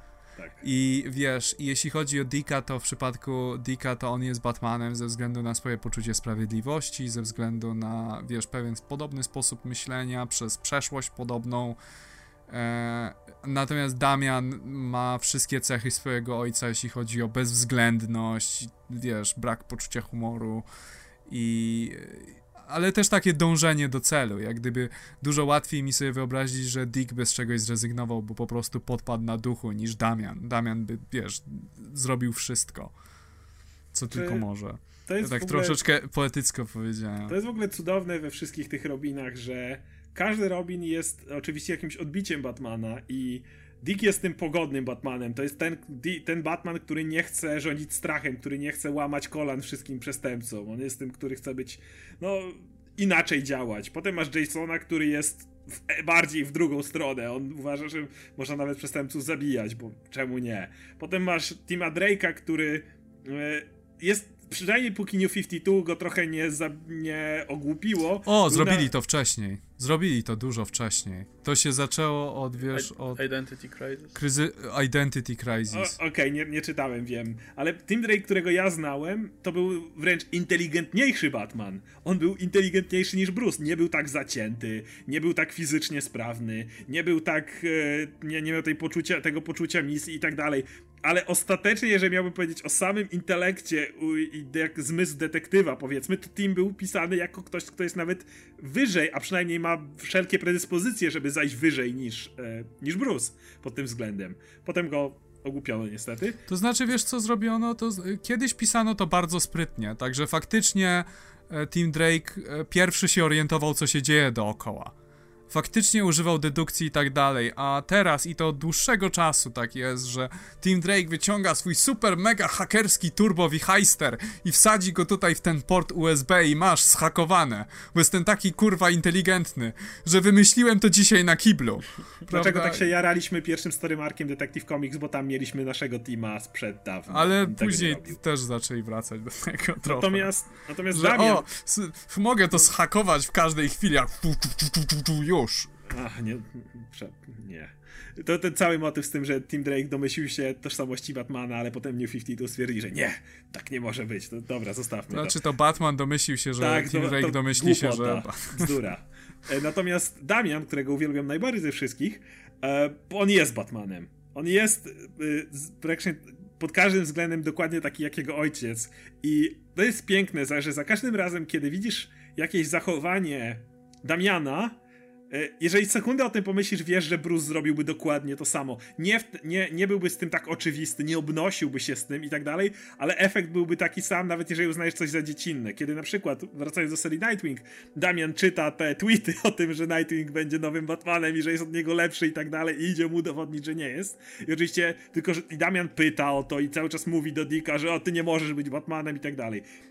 Superman, gdyby, przepraszam, Batman, gdyby zobaczył takie tweety, gdzie piszą, że Superman to jest lepszy niż Batman, no Superman to, to robi to i to, wiesz dobrze, że Bruce przy pierwszej lepszej okazji pokazałby prywatnie Supermanowi, że Superman nie jest od niego lepszy. Nie obnosiłby się z tym, nie mówiłby tego wprost, ale kiedy tylko zaszłaby taka możliwość, żeby pokazać, że Superman czegoś nie potrafi, Batman natychmiast by to zrobił i natychmiast by pokazał, że on jest nie, od niego nie lepszy. Zgadzam się. Ja nie uważam, że się. tak.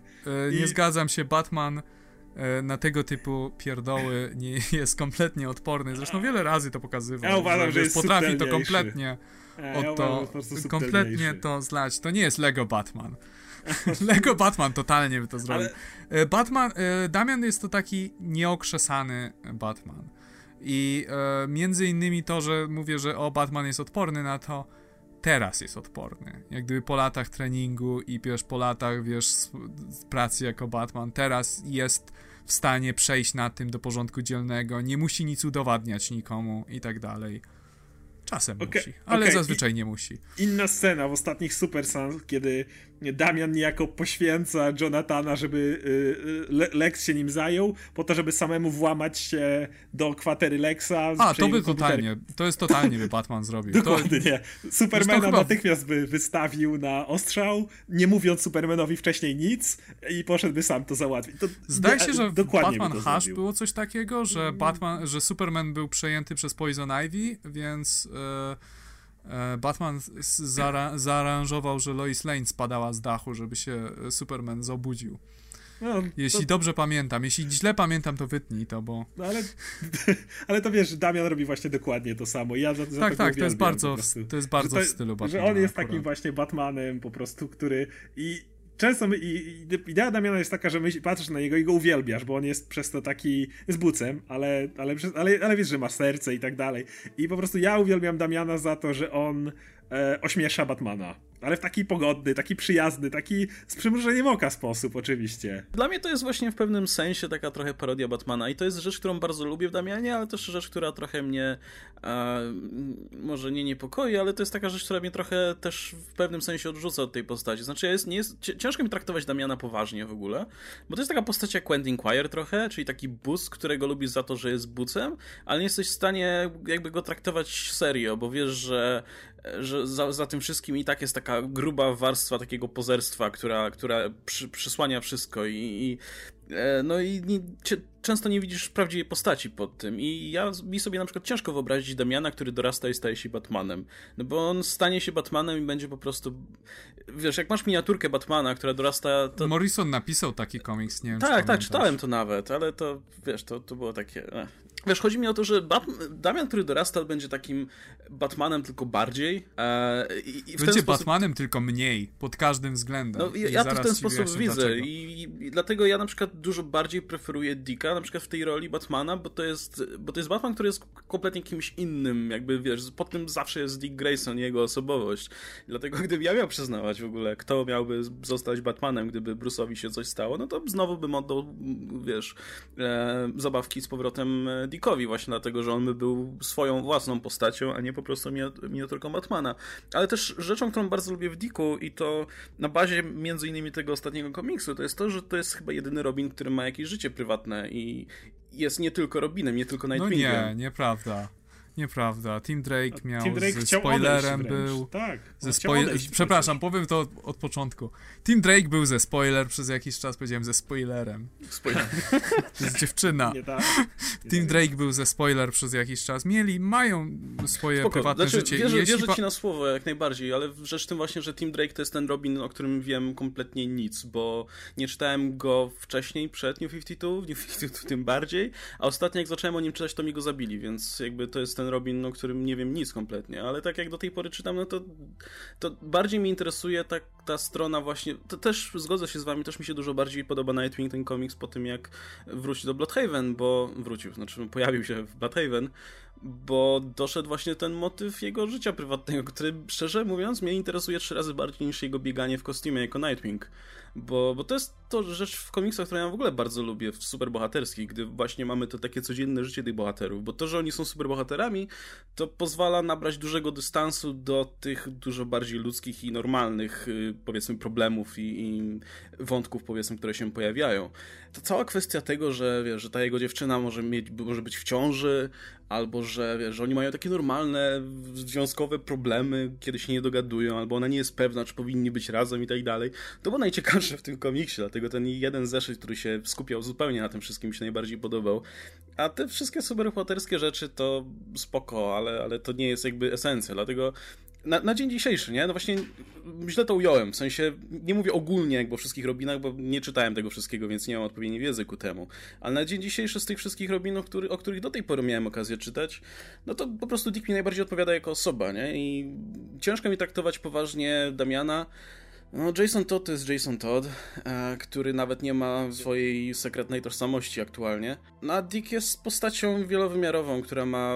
nie jest tylko Nightwingiem i to, to mi się bardzo podoba. Jasne. Ale jeśli, jeśli chcesz tutaj dodać coś o teamie konkretnie, szczególnie na naszych słuchaczy, którzy być może też jakby nie mieli okazji się jakoś szerzej spotkać z tą postacią, jeśli czytają powiedzmy komiksy od New 52, no to słucham chętnie, też sam posłucham zresztą. To znaczy, szczerze mówiąc, ja nie mam nic od, w tej chwili do polecenia. Musiałbym sięgnąć po, wiesz, starsze komiksy, których tytułów w tej chwili nie pamiętam i... TM Semik to trochę by było... tego wydawał. TM Semik trochę tego wydawał. Tim był taką postacią, która była bardziej intelektualna właśnie i to było interesujące, aczkolwiek w pierwszych latach to było bardziej przedstawiane jako zdolności detektywistyczne niż po prostu taka, wiesz, zdolność obsługi maszyn czy coś takiego. I on był o tyle interesujący, że on nie był pierwotnie przygarnięty przez Batmana, on miał swoją własną rodzinę i po prostu, wiesz, współpracował, bo chciał z którymi były też ciekawe wątki, jakiego ojciec tak, zaginął, tak, tak, Bruce go szukał i tak dalej. To właśnie ja się wychowałem na teamie, bo to był TM Semik, a na TM Semiku się wychowałem, więc dla mnie tym defaultowym, że tak powiem, Robinem był właśnie Tim Drake. I tam się już pojawiał Dick Grayson jako Nightwing i, i jakby na nim się wychowałem i zawsze mnie to, ta dynamika ciekawiła, bo zresztą Tim Drake też był dużo pogodniejszy. To też nie jest tak, że ja mówię, że głównie, y, że głównie Dick jest tym pogodnym, e, że tak powiem, Robinem i Nightwingiem, ale no Tim Drake też nie brakowało mu poczucia humoru, ale w nim było właśnie to ciekawe, że on zawsze bardzo analitycznie do wszystkiego podchodził, z takim, z taką też, też z dystansem, też kiedy na przykład, to jest ten Robin, y, było pokazane z Nightwingu, że on to jest ten koleś, który skacze i w plan uformułuje po drodze. Nie, nie, że jest idiotą czy coś takiego, ale on działa spontanicznie, Dick lubi, to jest, to jest Dick. Natomiast Tim to był właśnie ten gość, który prowadzi swojego przeciwnika na teren, który sobie wcześniej przygotował i przy okazji jeszcze też rzuci dowcipem, jeżeli trzeba. To, to ja sobie tak Tima widziałem zawsze w kontrze do Dicka, który był bardziej spontaniczny, bardziej energiczny może, ale też sprawniejszy, bo jakby Dick mógł sobie na to pozwolić, bo był dużo sprawniejszy niż Tim. No jeśli ja miałbym coś polecić, to bym polecił Young Justice. To jest komiks z 98 roku Petera Davida. Seria bardzo była fajna. Ona stanowiła częściową inspirację do serialu, ale właściwie najwięcej z nie, co z niego wzięli to nazwę. Moim ulubionym Robinem, jeśli miałbym powiedzieć, to prawdopodobnie byłby Damian na tym etapie. Jeśli chodzi o, o Robinów takich, jakich są w tej chwili. Bo musiałbym mówić o klasycznym teamu teamie Drake'u, który nie istnieje od dawna. E, albo, no nie, nie jestem, nie mam takiego emocjonalnego związku z Graysonem, mimo wszystko jak mam z Damianem. E, I ja chciałem powiedzieć jeszcze o Damianie. Ja nie do końca się z wami zgadzam. Ba Damian nie jest Batmanem, Damian jest tak naprawdę mizernym obrazem Batmana. Jak gdyby ba Damian bardzo chciałby być, tak, i chciałby być, na pewno chciałby być postrzegany jak Batman i mają pewne, jak gdyby wspólne cechy charakteru, ale jeśli chodzi o jak gdyby rozsądek czy coś takiego, Damian jest dużo bardziej porywczy, jest dużo głupszy jest dużo bardziej próżny, arogancki i tak dalej. Cechy, które e, Bruce Wayne też w jakimś stopniu posiada, ale potrafi je stłamsić i kontrolować, dlatego że wiesz, Bruce Wayne ćwiczył na swoich własnych warunkach u różnych y, w różnych zakonach buddyjskich, podczas gdy e, Damiana no, tak, wychowali tak ninja. Dany Rand z serialu. Umie stłamsić znaczy, podstaw... agresję i tak dalej. Podstawowa sprawa, jeśli chodzi o Damiana, to on no, nie jest sierotą i motyw jego obu rodzin i tego całego rozerwania pomiędzy Talią a Brusem jest cały czas obecny w nim. Bruce tego nigdy w sobie nie miał. Bruce, Bruce'a rodzice nie żyją, on, on ich tam na piedestale właściwie I to jest postawił. w dużej mierze, i to jest w dużej mierze wydarzenie, które ukształtowało e, Bruce'a Wayne'a. Wydarzenie, nie ma właściwie takiego wydarzenia, które uczyniłoby z Damiana Wayne'a bucem, poza się. tym, że urodził się wśród buców, więc został bucem, bo wychowali go, że bycie bucem jest spoko. Zresztą taka taka matka, taki ojciec, niedaleko po tej jabłoni. Za co ja... No, no nie, dokończ, dokończ. Yy, natomiast, wiesz, i są momenty, w którym Damian jak gdyby się pojawia nam taki, jakim jest naprawdę, i to był, to jest dla mnie moment, w którym e, budzi się w Robin Rises. I to jest po prostu mały chłopiec, który jest kompletnie zagubiony i wiesz, i szuka miłości. Ja wiem, że to zabrzmi straszliwie banalnie, ale, ale jest taki jest najlepsze. naprawdę, taki jest naprawdę Damian Wayne. To pod tą całą gigantyczną toną pozerstwa, toną, wiesz, bucostwa i próżności kryje się po prostu gówniarz, którego wiesz, trzeba przytulić i tyle. Ale to jest świetne w Damianie właśnie. Dla, ja za co najbardziej lubię Damiana, dlatego mam największe przywiązanie do Damiana. Mimo, że wychowałem się na teamie Drake'u, mimo, że u, uwielbiam Dicka Graysona za wszystko, co powiedzieliśmy chociażby w tej serii, ale też miał fajne inne relacje, był świetnym Batmanem, też innym i tak dalej. Co ja najbardziej lubię Damiana, to właśnie jego relacje z innymi postaciami. Właśnie przez to, że on ma dokładnie, jak powiedziałeś, tą całą maskę pozerstwa. Jest tym takim bucem na, na wyrost. Ale pod tym całym niejako tą parodią Batmana trochę, o której możemy powiedzieć, kryje się jakby co, pod spodem jest coś zupełnie innego. I za każdym razem, kiedy mamy te elementy kiedy to trochę pęka, kiedy ta fasada się rozbija, to są momenty, które nadają najwięcej charakterowi Damianowi i to są te momenty, za które ja najbardziej lubię Damiana. Bo gdyby on był takim bucem na co dzień i nie miał jakby nic pod spodem, to byłby nudny, to nie dałoby się go lubić. Ale właśnie dzięki temu, że sprawnie scenarzyści co jakiś czas przebijają się przez tą zbroję, powiedzmy, Damiana, którą on nosi. Jak chociażby w ostatnim Nightwingu, kiedy Dick Grayson stracił przytomność i Damian mu powiedział, co Dick dla niego znaczy, a to jest bardzo, bardzo ważne czy tak jak mówisz, kiedy się obudził w Robin Rises, czy no, masa jest tego typu sytuacji. To, to jest właśnie to, kiedy Damiana doceniasz, kiedy wiesz, że to jest gość, który miał od dziecka przewalony, kiedy on nie miał żadnego sensownego wychowania i z całym szacunkiem dla Bruce'a nie trafił dużo lepiej po, po lidze. Znaczy, o, dużo lepiej. Du, okay. du, w porównaniu dużo lepiej. Niech Przynajmniej, będzie. wiesz, Bruce Alfreda nie robi dostał. jego Okay. Przynajmniej Bruce nie robi jego klonów, które by i wysyła ich, na, żeby go zabić. Ale wiesz, nie wiem, dla mnie to jest poprawa. No, niech będzie, ale wiesz, największą zaletą w wychowaniu Bru y Damiana przez Bruce'a jest to, że ma Alfreda. to nie świadczy aż tak dobrze o samym Bruce'ie. Ale Więc... to też było interesujące, wiesz, przynajmniej w tych początkowych zeszytach gdzie, wiesz, Bruce musiał się uczyć tego, żeby być ojcem tak, na jakiś sposób i kompletnie to mu nie wychodziło. Ale jeśli popatrzysz na przykład na Bruce'a Wayne'a, e, jak było po mm, jak było po jego, wiesz, rzekomej śmierci, no to on, y, kiedy stracił pamięć i był po prostu Bruce'em Wayne'em, to on był kompletnym, wiesz, wydawałoby się przeciwieństwem siebie. Był radosny, optymistyczny, bardzo troszczył się o y, otoczenie, prowadził no, się, wiesz, dom, sierociniec i tak dalej. I był, stra- był takim bardzo, wiesz, takim bardzo małym, lokalnym aktywistą.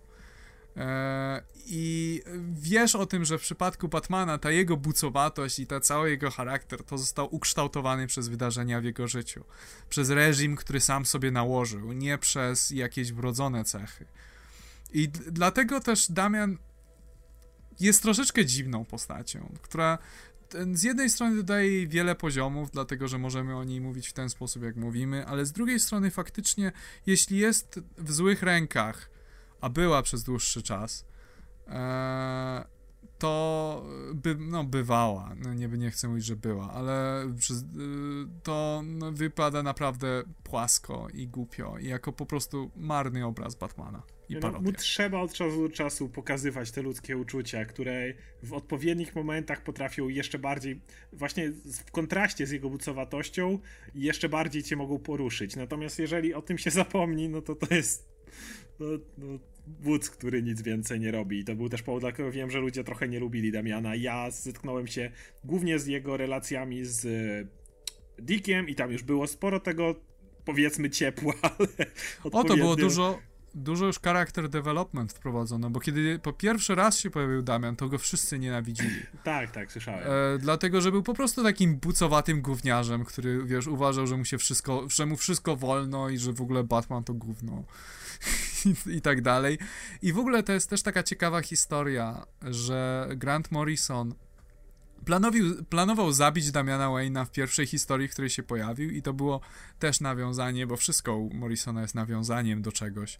Do takich historii, które się często pojawiały w Srebrnej Erze, że pojawia się jakaś nowa postać, która, wiesz, miałaby rzekomo zmienić kompletnie całe status quo, jakiś, wiesz, zaginiony kuzyn czy coś w tym stylu i nagle ta postać znika w tym samym numerze i nic z tego nie wynika. Więc on chciał zrobić coś takiego, ale mu się na tyle spodobała i uznał, że ma na tyle po, ten, że postanowił ją zostawić do końca swojego ranu, co zrobił. I potem zabić. I potem zabił. To znaczy ja ten, ja właśnie się trochę nie dziwię mu, że chciał zabić tę postać, bo właśnie to, to, to są też moje wątpliwości właśnie, czy to jest postać, która się rozwinie, czy, czy w ogóle jest, jest pomysł na to, żeby ją w jakiś sposób rozwijać, bo wydaje mi się, że Morrison ją wymyślił właśnie w taki sposób i stwierdził, że, że dużo więcej się z nią nie da zrobić i dlatego, dlatego powinna zginąć. No ale potem się pojawił Thomas i stwierdził, że da mu więcej tych ludzkich elementów i tak dalej. Ale mam wrażenie, że w którymś momencie po prostu to dotrze do ściany i trzeba będzie naprawdę zrobić jakiś moment przełomowy w jego życiu, no bo e, jasne, Morrison mógł mu napisać ten jeden zeszyt, to był Batman 666 chyba, nie? Z tego co pamiętam, gdzie tak. nagle go, wiesz, pokazał w przyszłości, ale trudno mi sobie wyobrazić taką, wiesz, stopniową, gradacyjną ewolucję charakteru Damiana, która by prowadziła do momentu, w którym on się staje kompetentnym bohaterem i wyrasta z tej bucowości. Bo to się jasne działo. Się. No spoko, no twoje prawo, ale to, to się działo w jakimś tam stopniu w ostatnich seriach, ale to w którymś momencie dotrze do ściany i to jest, to, to, to jest tak jak z Quentinem znaczy... właśnie. O kurde, coś mi spadło. Jeszcze jedna uwaga, że ten Batman 666 to był E, to była wizja zaszczepiona Damianowi przez Talię, żeby stał się bezużytecznym Batmanem i tym samym doprowadził do zniszczenia Gotham. To była bardzo pokręcona fabuła. Morrison.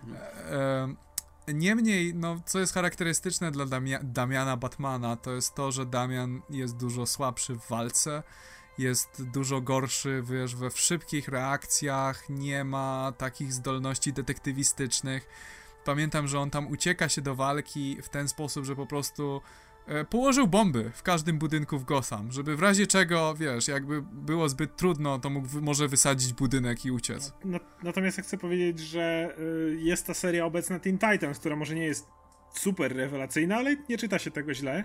I tam już próbują z Damiana zrobić coś więcej. No chcą z niego zrobić niejako lidera drużyny, chcą go trochę postawić na no, swoim. Trochę trochę to za bardzo śmieszkowo dla mnie piszą, tak na zasadzie, o ja jestem Damian, jestem taki zajebisty. A przeczytałeś to do końca? Nie, nie. No właśnie, jestem nie, już... nie, poruszyli tam parę takich innych y, motywów, których trochę odeszli od tego śmieszkowania Damiana, że tak powiem. I, i, i ten jego jednak dramat związany z Rejszem, z, y, z, z, tam jest się ta jego kuzynka pojawia i ten cały motyw jest bardziej zarysowany i na końcu właśnie kiedy pojawia się Batman kończy się ten wątek cały z Rejszem i pojawia się Batman i Batman tutaj mówi, dobra Damian, to co tam, wracamy, a to to Teen Titans, no tam Dick kiedyś też miał Teen Titans, a Damian mówi w tym momencie, no tak, a da Batman, dobra, kompetentna drużyna, może ja tutaj ich trochę poobserwuję, zrobię wam nadzór, może coś z tego będzie, no i Damian mówi, że nie, żadnego nadzoru, że chcemy, chce jakby sam spróbować zbudować coś swojego i mu, e, i jest, y, dostaje wtedy za, na zaniedbane urodziny drugą wieżę Tytanów. Pierwszą wieżę ufundował Bruce y, Dickowi, to teraz drugą funduje dla Damiana. I Damian, Damian chce tam zbudować coś swojego, chce być trochę bardziej znaleźć siebie i y, widzisz, on nie idzie tylko w stronę Batmana, ale tutaj ewidentnie w stronę Dicka, jakby on chce mieć różne przykłady i według mnie to już jest bardzo stopniowy rozwój Damiana. On jednak staje się kimś innym w tym momencie. No tak, tylko że z drugiej strony te, ten rozwój, o którym mówisz, czyli wiesz, takie patrzenie na e, Graysona, to się dzieje właściwie od Batman and Robin. No i spoko, Więc ale jednocześnie ja bym chciał, ja bym chciał już widzieć, żeby e, da Damian mi się trochę robi nudny, szczerze no to mówiąc. To jest to, o czym mówię właśnie. To chodzi o to, że on zawsze będzie, w, te, w, ten, w, ten, sposób, w jaki on jest pisany, on zawsze będzie w tych ramach buca, który gdzieś tam pod tymi wszystkimi warstwami ma jednak jakieś dobre cechy. Bo to jest, mówię, to jest dokładnie ten, ta sama postać, którą Morrison pisał w Unix-Men Quentin Acquire. I też ją zabił po którymś momencie, bo stwierdził, że nic z tego chyba już więcej nie wymyśli. Są dwie postaci, które są bardzo podobne do siebie i których nie możesz jakby popchnąć za bardzo do przodu, bo one są lubiane głównie za, za swój charakter, za to, że są trochę outsiderami i trochę, wiesz, nie, nie pasują e, do, do innych bohaterów. I jeśli Damian nie będzie miał, no moim zdaniem oczywiście, i też nie mówię, że tak musi być, bo kto wie, może przyjdzie na jakiś naprawdę utalentowany scenarzysta i to zrobi i będę zachwycony, ale moim zdaniem no będzie po prostu ciężko tak ewoluować Damiana, żeby on płynnie przeszedł w postać, która będzie kompetentnym bohaterem i wyjdzie jakby z tej roli tej maskotki, tego Lego Batmana, co Adam tutaj podrzucił, bo to jest Lego Batman taki właśnie miniaturowy, dokładnie. E, I jeśli wydaje mi się, że jedyną opcją jest właśnie jakiś moment przełomowy dla niego, ktoś, nie wiem, ktoś musi zginąć mu bliski, albo coś musi musi stać i tak dalej, bo myślę, że stopniowo to nie da rady tego zaprezentować, szczególnie w formie tych, powiedzmy, komiksów wydawanych co tydzień, bo, bo Damian będzie praktycznie mogą być jakieś epizody w jego życiu, ale to cały czas będzie ten sam Damian. Więc o ile to nie będzie nagle skok w przyszłość i wiesz, przyjdzie Cable i go przyniesie w przyszłość i wróci jako inną postać, no to, to ciężko mi sobie to wyobrazić po prostu. Nie mówię rzeczywiście, że to jest niemożliwe, ale, ale widzę pewien problem właśnie z tym związany. Jest jeszcze jedna postać, która nosiła przydomek Robin, o której nie wspomnieliśmy jeszcze nawet. Co prawda jej, co prawda jej kariera była bardzo, bardzo krótka i to jest e, Stephanie Brown która w tej chwili w komiksach, ona wciąż istnieje, prawda? Nie zabił jej nikt. No nie. Ale jak to się nie, nie patrzyłem. Stało jakby. Ta.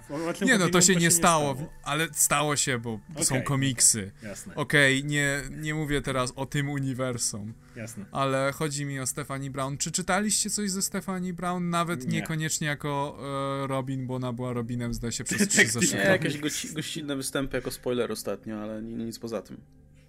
No to jest postać, która ja bym wam, jeśli mogę wam polecić, bo jej historia jest taka, że ona została Robinem. E, później Batman dawał jej jakieś. Jezus, już tak przypominam sobie, wiesz, z końca głowy, bo czytałem to lata temu. W każdym razie ona nie posłuchała się Batmana. Batman wydał jej rozkazy, ona go nie posłuchała, ale chodziło o to, żeby uratować jego życie. I Batman się wkurwił i ją wywalił. I już nie jesteś Batmanem. A potem została porwana przez jakiegoś mafiozo, który ją torturował i zamordował brutalnie. Okay. E, a potem okazało się, że nie, że jednak nie, bo wiesz, w momencie jak wiesz, postać, która jest lubiana, jest w ten sposób potraktowana, to jest oczywiście gigantyczny ból dupy, zresztą słuszny w tym wypadku.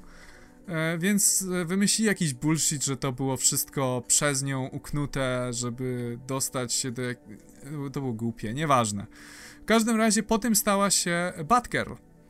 I y, ta Batgirl to jest taki proto... Bad, Stephanie Brown Batgirl to jest taki protoplasta dla obecnego sposobu, w jakim pisze się Batgirl. Czyli taka, wiesz, taka mieszanina życia osobistego z y, życiem superbohaterskim w takim lekkim tonie, gdzie jest dużo żartów i tak dalej. Gdzie w tamtych czasach Barbara Gordon to było po prostu smutek, ból. Angst. I wiesz, i, i, angst ciężki. Natomiast ba Stephanie Brown jako Batgirl to była właśnie ta jasna strona uniwersum. I powiem ci, że to trochę nawet lepiej działało niż działa teraz, gdzie mamy. E, myślę, że Stephanie Brown jest dużo lepsza, dużo lepszym materiałem na taką radosną Batgirl niż Barbara, gdzie to się trochę kłóci z jej historią. Ale tutaj już trochę wchodzę w tą historię nie mam nic więcej do dodania i z tego co widzę nie pogadamy o tym. Ja bym A, chciał jeszcze no. na koniec powiedzieć o czarnej owcy, której nie pogadaliśmy, tylko gdzieś tam mijaliśmy ją, czyli Jasonie. Podałoby parę słów o nim powiedzieć i tu chcę zaznaczyć, że najnowsza seria Red Hood and the Outlaws nie ma rewelacyjnej fabuły i to jest niedomówienie, ale ma naprawdę dobrze napisane postacie, co jest w sumie najważniejsze. I Jason jest naprawdę bardzo fajnie pisany jako postać. Mówię, fabuła jest. Przymknijmy na nią oko. Black Mask, coś tam, nanity, cyberwirus, nieważne. ale, ale czytasz te dialogi, myśli Jasona i kurde, jego, jego, widzisz naprawdę jego punkt widzenia, widzisz jego relację z Batmanem, która jest to całkiem fajnie nakreślona, jego jakby podejście do innych bohaterów trochę takich na granicy. I ja wiem, że ta. Nie, nie czytałem tej serii, ale nie słyszałem nic dobrego o Red Hood and the Outlaws z y, New 52. e, nie słyszałem absolutnie nic dobrego. To jest dopiero e, bardzo, wiesz, eufemizm. E, tak. Daleko posunięty. Natomiast obecnie jest naprawdę nieźle pisany, mówię, jako postać. No tak, ja też przeczytałem całość, to co, to, co wychodzi do dzisiaj, ten jego, ta jego Dark Trinity. E, I to, to jest faktycznie całkiem nieźle pisane. Znaczy, fabuła jest bez sensu i to jest tak głupie. I no. się nie nauczył pisać fabuły, żeby to trzymało się kupy w ogóle. Ale fakt, postacie są całkiem nieźle pisane i nie, nie tylko Jason, ale też Artemis jest, jest świetną postacią. W zasadzie chyba nawet lepiej jest pisane niż, niż sam Jason.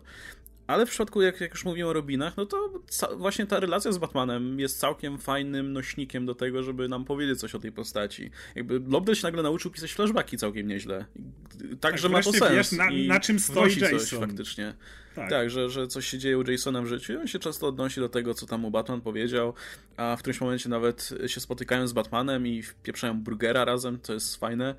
E, I on jest w ogóle mm, Mam wrażenie, że Lobdell jeszcze nie, nie, wie do końca, co chce zrobić z tą postacią. Czy on chce z niego zrobić takiego śmieszka, czy kogoś bardziej kompetentnego, czy nie. Ale myślę, że prędzej czy później on to wykombinuje. I e, na, na razie faktycznie jest to postać, która się wyróżnia na tle pozostałych Robinów, bo jest tą, jest tym kimś, który właśnie gra według trochę swoich zasad, i w którymś momencie to zupełnie akceptuje i, i stara się coś zrobić z tym dobrego, powiedzmy. E... Wiesz co, ja mam potworny dysonans przy e, Jasonie, bo e, Batman w dużej mierze akceptuje Jasona, oczywiście co jakiś czas się robi zgryźliwy, ale to trochę wygląda tak, że o nie, akceptuje zabijania i ludzi, którzy zabijają, no chyba, że Jason. Jason jest spoko. Nie, nie, w tej serii to świetnie poruszyli. nie, to, to, jest, to jest adresowane tutaj. To jest świetnie tak? poruszone okay. w tej serii. Ba Batman, Batman wyraźnie mówi, bo Jason chce tam zinfiltrować e, Black, Mask. Black Maska, i Batman mu mówi zgoda, ale jak kogoś zabijesz, to, to, to idę po ciebie, nie? To, no i, i tyle. Więc nie masz prawa zabijać. I Jason się tego, tego stosuje. Nie zabija, ale Jason y, ale trzyma się Jason. tego jakby no to jest Jason, więc Jason oczywiście zawsze znajdzie furtkę, yy, więc jeżeli ktoś... Yy, tam jest motyw, że Black Mask, nie będę wchodził w tą fabułę, bo ona jest naprawdę dziwna, a, ale jest motyw, że Black Maska zżera ten wirus i generalnie staje się warzywkiem i Jason może uratować Black Maska i nie doprowadzić do tego, żeby Black Mask stał się warzywkiem, ale mówi, Obiecałem Batmanowi, że nie będę zabijał, ale niech mnie, jeżeli ci pomogę i niszczy. A wy, Wymówka Nolana, widzę. Nie, ale to jest... Ale nie, ale, ale, on, ale on, widzisz, nie doprowadza do śmierci, bo gdyby y, Red Skull, y, Red Skull, tak, bo to on jest pisany jak Red Skull trochę, Black Mask, gdyby w tym miejscu miał umrzeć, to Jason by go uratował ale mówimy tu o tym, że Black Mask, y, wirus, który na siebie sam zrzucił Black Mask, no, powoduje do tego, że koleś, że będzie cripple. I to okay. już Jasonowi nie no przeszkadza. Black Mask po prostu kończy sens. na wózku w, w, domu opieki. I się ślini. E, tak. W sensie nie kończy źle, na dobrą sprawę, no bo jest pod opieką i tak dalej, ale to jest w ogóle bardzo fajna reakcja, bo Black, Black Mask mówi, tam uratuj mnie i tak dalej, a e, Jason jak patrzy na niego mówi, lol, nie, w sensie no, czemu miałbym sorry. ci pomagać? Ale, to... ale to jednocześnie pasuje do, do Jasona no i, tak, i fajnie tak. coś o nim mówi, bo on chce być, Jason chce mieć akceptację Batmana i chce, jeżeli się na coś umówił z Batmanem, to chce grać według pewnych zasad Batmana, ale jednocześnie nie jest Batmanem i jednocześnie nie musi być, wiesz, ratować każdego. No nie, nie doprowadzi do śmierci tej osoby, ale jednak też gra trochę bardziej, no trochę zdejmuje rękawiczki. I jest według mnie najlepsze, co jest w tym komiksie, to jest te lustrzane odbicie tego spotkania z Batmanem na początku i na końcu. Masz na początku to przypomnienie, jak mm, Jasona spotkał Batman po raz pierwszy, jak on mu tam opony kradł, tam felgi mu kradł z Batmobilu i e, Batman mówi do niego, będzie zadam ci teraz jedno pytanie i dobrze zastanów się nad odpowiedzią. Czy jesteś głodny? I wtedy Batman, jak młody Jason, którego on zabrał z ulicy, on mu, go częstuje kanapką. I jest sam, sam koniec, kiedy jest dokładnie to samo i Jason mówi do Batmana po ich takiej burzliwej wypowiedzi właśnie, teraz mam ci jedno pytanie i czy jesteś głodny? I Batman się uśmiecha. I, i, i jest takie ciepłe, jak oni siedzą i jedzą, jedzą sobie burgery po prostu razem. I jest to taka rozmowa, w której e, Jason ma taki wyrzut do Batmana i mówi do niego, że mam dosyć, że nie będę grał cały czas jak ty chcesz, Mister By the Book. I Batman w momencie wybucha śmiechem. I to jest piękne, bo Batman śmiejący się, nie? To nie jest coś, co często widzisz, ale to jest fajnie uargumentowane i Batman mówi, Jason, patrz, no, popatrz na mnie jestem gościem, który nielegalnie wchodzi na tereny, łamuje się na prywatne posiadłości, bije ludzi i wyciągam z nich informacje kompletnie bez żadnego nakazu. Co we mnie jest by the book? I w tym momencie tak Jason, ej, to dlaczego mnie tak cisnąłeś? I ten mówi, no bo... Yy, Właśnie chciałem się upewnić właśnie tylko, że, że sam jakby znajdziesz to, żeby, no nie chcę, żeby był zabójcą. I mówi mu, że słuchaj, świat nie potrzebuje więcej bohaterów, że może przyda się jakiś outlaw, że tak powiem, tak długo jak będzie na pe w pewnych, wiesz, zasadach grał, no nie zabijał, bo to jest istotne. I świetnie, według mnie to jest relacja, na której Batman i Jason mogą świetnie grać i to jest naprawdę dobrze napisane, więc fajnie, że wreszcie robią coś z Jasonem takiego, że czujesz, że on jednak jest kimś innym, że to nie jest ktoś Nightwing czy ktoś taki. Mi się to podoba. No, ale zdecydowa... no to nie zachęciliście, muszę nadrobić. Ale najlepsze, co jest w tym komiksie, to jest banter między właśnie Jasonem a Artemis. To jest absolutnie fantastyczne. W ogóle to jest, to jest ta prawdziwa Artemis, Amazonka. Tak. Nie jest ta Artemis Young Justice, która tam się pojawiła na jeden zeszyt w New 52. E, I ona jest pisana fantastycznie, jako taka właśnie cold heart bitch, która po prostu ci może najebać, a jednocześnie ma bardzo wisielcze poczucie humoru i, i jest bardzo sarkastyczna. Które pasuje do Jasona. Tak, i, ale widzisz też jednocześnie, że ona go zaczyna lubić w którymś momencie właśnie dlatego, Aha. że jest właśnie trochę niestandardowym bohaterem. No jest tam też, w ogóle ten komiks to jest taki ból głowy trochę dla ludzi, którzy śledzą continuity, no bo jest ta Artemis, która się nagle pojawia znowu. To jest chyba jej pierwsze pojawienie się w ogóle po New 52. I jest też Bizarro, który nie jest tym Bizarro z planety Bizarro, ze świata to Bizarro. To jest nowy Bizarro. To nie jest też ten Bizarro, który tam zginął e, w Forever Evil, e, tylko to jest nowy Bizarro, który po prostu był kolejnym wersją, kolejnym klonem, który, którego też stworzył Luthor, ale potem stwierdził, że nie, to jednak zniszczmy tych wszystkich Bizarro. E, więc on się tam ratuje. No i jest to taki w sumie klasyczny Bizarro, który jest taki ma umysł dziecka, więc się nim opiekują w zasadzie jak takim, wiecie, młodszym bratem, niemowlakiem w zasadzie. Ma maskotkę z Supermanem, którą nazywa Pap Pap, więc tak. Jest, to, jest to dosyć zabawne. Ale to właśnie całkiem fajna ekipa z tego wyszła i myślę, że dobrze to zrobiło, że wreszcie się uwolnił ten Jason od Arsenalu, od Arsenala i od y, Starfire i tak dalej i dostał swoją własną ekipę prawdziwych wyrzutków. Takich faktycznie e, no faktycznie bohaterów, tak. którzy są wyrzutkami, którzy są dokładnie tacy jak on, tacy jak on, więc jest to powiązanie. Widać tutaj więź między tymi postaciami, mimo że oni są ze sobą bardzo krótko do tej tej pory.